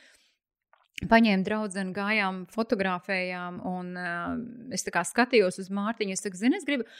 Uh, man liekas, ka tajā bildē, es nezinu, vai tu tajā fotografijā redzi, bet es domāju, ka mēs esam noķēruši to monas līzes momentu, ka tur ir tajā skatienā gan smaids, tur ir gan skumjas, tur ir gan uh, kaut kāda tādas dziļas pārdomas, un tur arī ir vieglums. Un es, mēs to fotografiju dabūjām tādu. Un tas ir, ko es gribēju. Tas, principā, tas bija tas galvenais, ka es dabūju to seju tādu. Jā, man, man šķiet, ka tas izdevās. Manā uztverē bija, es paskatījos, es ļoti novērtēju to, kā grāmata izskatās. Man viņa bija negaidīta, kā viņa izskatās. Es biju domājis, nu, ka tur būs vairāk sapucētās spalvas, nu, tas pārnestā nozīmē ah. spalvas. Mm -hmm. tā, nu, tā personība, ar ko man Mārtiņš saistījās līdz šim. Uh -huh. Un tad, kad es ieraudzīju grāmatu, man bija tā, īsts. Nu, kā, man ar to asociējās nu, īsta grāmata, nu, kā īsts patiesa cilvēks. Tas bija tas, ko es uztvēru. Jā, tā patiesība. Es gribēju, un tas bija arī tas mūsu tas izējošais punkts ar Mārtiņu. Saka, Mārtiņu Mums te nekā fake nebūs. Jā, ir kaut kādas lietas, kas mums nav visas detalizēti jāizstāsta, ne par to, ja, un, bet, uh, bet mēs neizliksimies, ja mēs neko neglorificēsim. Un, un manuprāt, tas grāmatas attēls to parāda. Un tur arī tas latviskais, man patīk, tur tas lins ir, tur ir, tur ir, tur ir daudz dažādu to, tādu, varbūt tādu pat simbolisku seju. Piemēram, Mārtiņam ir uz rokas Eh, rokasprādzi, un tā rokasprādzi no viņa mammas krellēm taisīta. Ja, tā kā tā, man bija būtiski to rokasprādzi. Tur ir daudz lietas, ko mēs tā kā divi tās zinām, kāpēc tur ir tā rokasprādzi. Un tad man ir, protams, tad ir. Um, tas deprofundis fonds, ja, un tas ir kā bišķiņ kopējot Oskara Vailda rokrakstu. Kā, tur arī ir kaut kādas, nu, tur ir ļoti daudz lietas, ko mēs mēģinājām salikt, kas droši vien radīja to kopējo priekšstatu, un tas priekšstats ir der vai neder. Ja mēs pat lielisks, nezinām, varbūt lielisks, detaļas. lielisks, lielisks darbs. nu, tad, tad, Linda, nākošā grāmata ir par ko? Nākamā grāmata ir, kas tagad top, kas man ir, uh, Laura, ko tu man arī liec aizvien uh, rūpīgāk par to domāt. Paldies tev, jo. Jā, jūs gribat lasīt jā, to grāmatu, jā, es esmu absolūti egoista. Jūs zināt, kā tas ir, tas ir, kur mēs atkal izmantojam valodu. Es tā kā pasaku kaut ko, man jau pēc tam kauns atkāpties. Pēc tam nevar atkāpties, kā es esmu pateikusi, tā kā es zinu, ka tu man nākamreiz jautās, Linda, kuri, kuri grāmata, un tad man būs jāstāst jā, man ir absolūti šī, te, šī, te, šī te atbildības sajūta, un atkal mūsu tā runāšana ar sevi nodara, ja, ka mēs sakām, es to izdarīšu. Um, man ļoti gribās uzrakstīt tādā populārā zinātniskā valodā, gribas, un es arī rakstu par domāšanas modeļiem, kā mēs domājam. Tieši šī tā paplašinātā domāšana, šī neracionālā domāšana. Jo nav pārāk, manuprāt, nu, par smadzenēm, nu, tur ir diezgan tā neiroloģiski ļoti termini, un tas varbūt nav Nu, tas ir kaut kādā mērā, varbūt nedaudz interesanti, bet ne pārāk ilgi, ja kā tur tie stimuli un, un visādas tur sinapses darbojās. Bet tagad, kas notiek, lai mēs varētu saprast sevi, lai mēs justos ērti šajā pasaulē, un lai mēs justos ērti šajā pasaulē, mums jāsaprot arī citi. Un lai mēs varam vispār teiksim, saprast šo pasauli, šī pasaule ir mainījusies. Pasaule nav tāda, kāda viņa pirms, bija pirms 20 un 30 gadiem, un viņa ļoti strauji mainīsies līdz ar tehnoloģijām. Mums ir citādi uzvedības modeļi, mums ir jādomā citādāk, mums ir citādāk jāfiltrē informācija.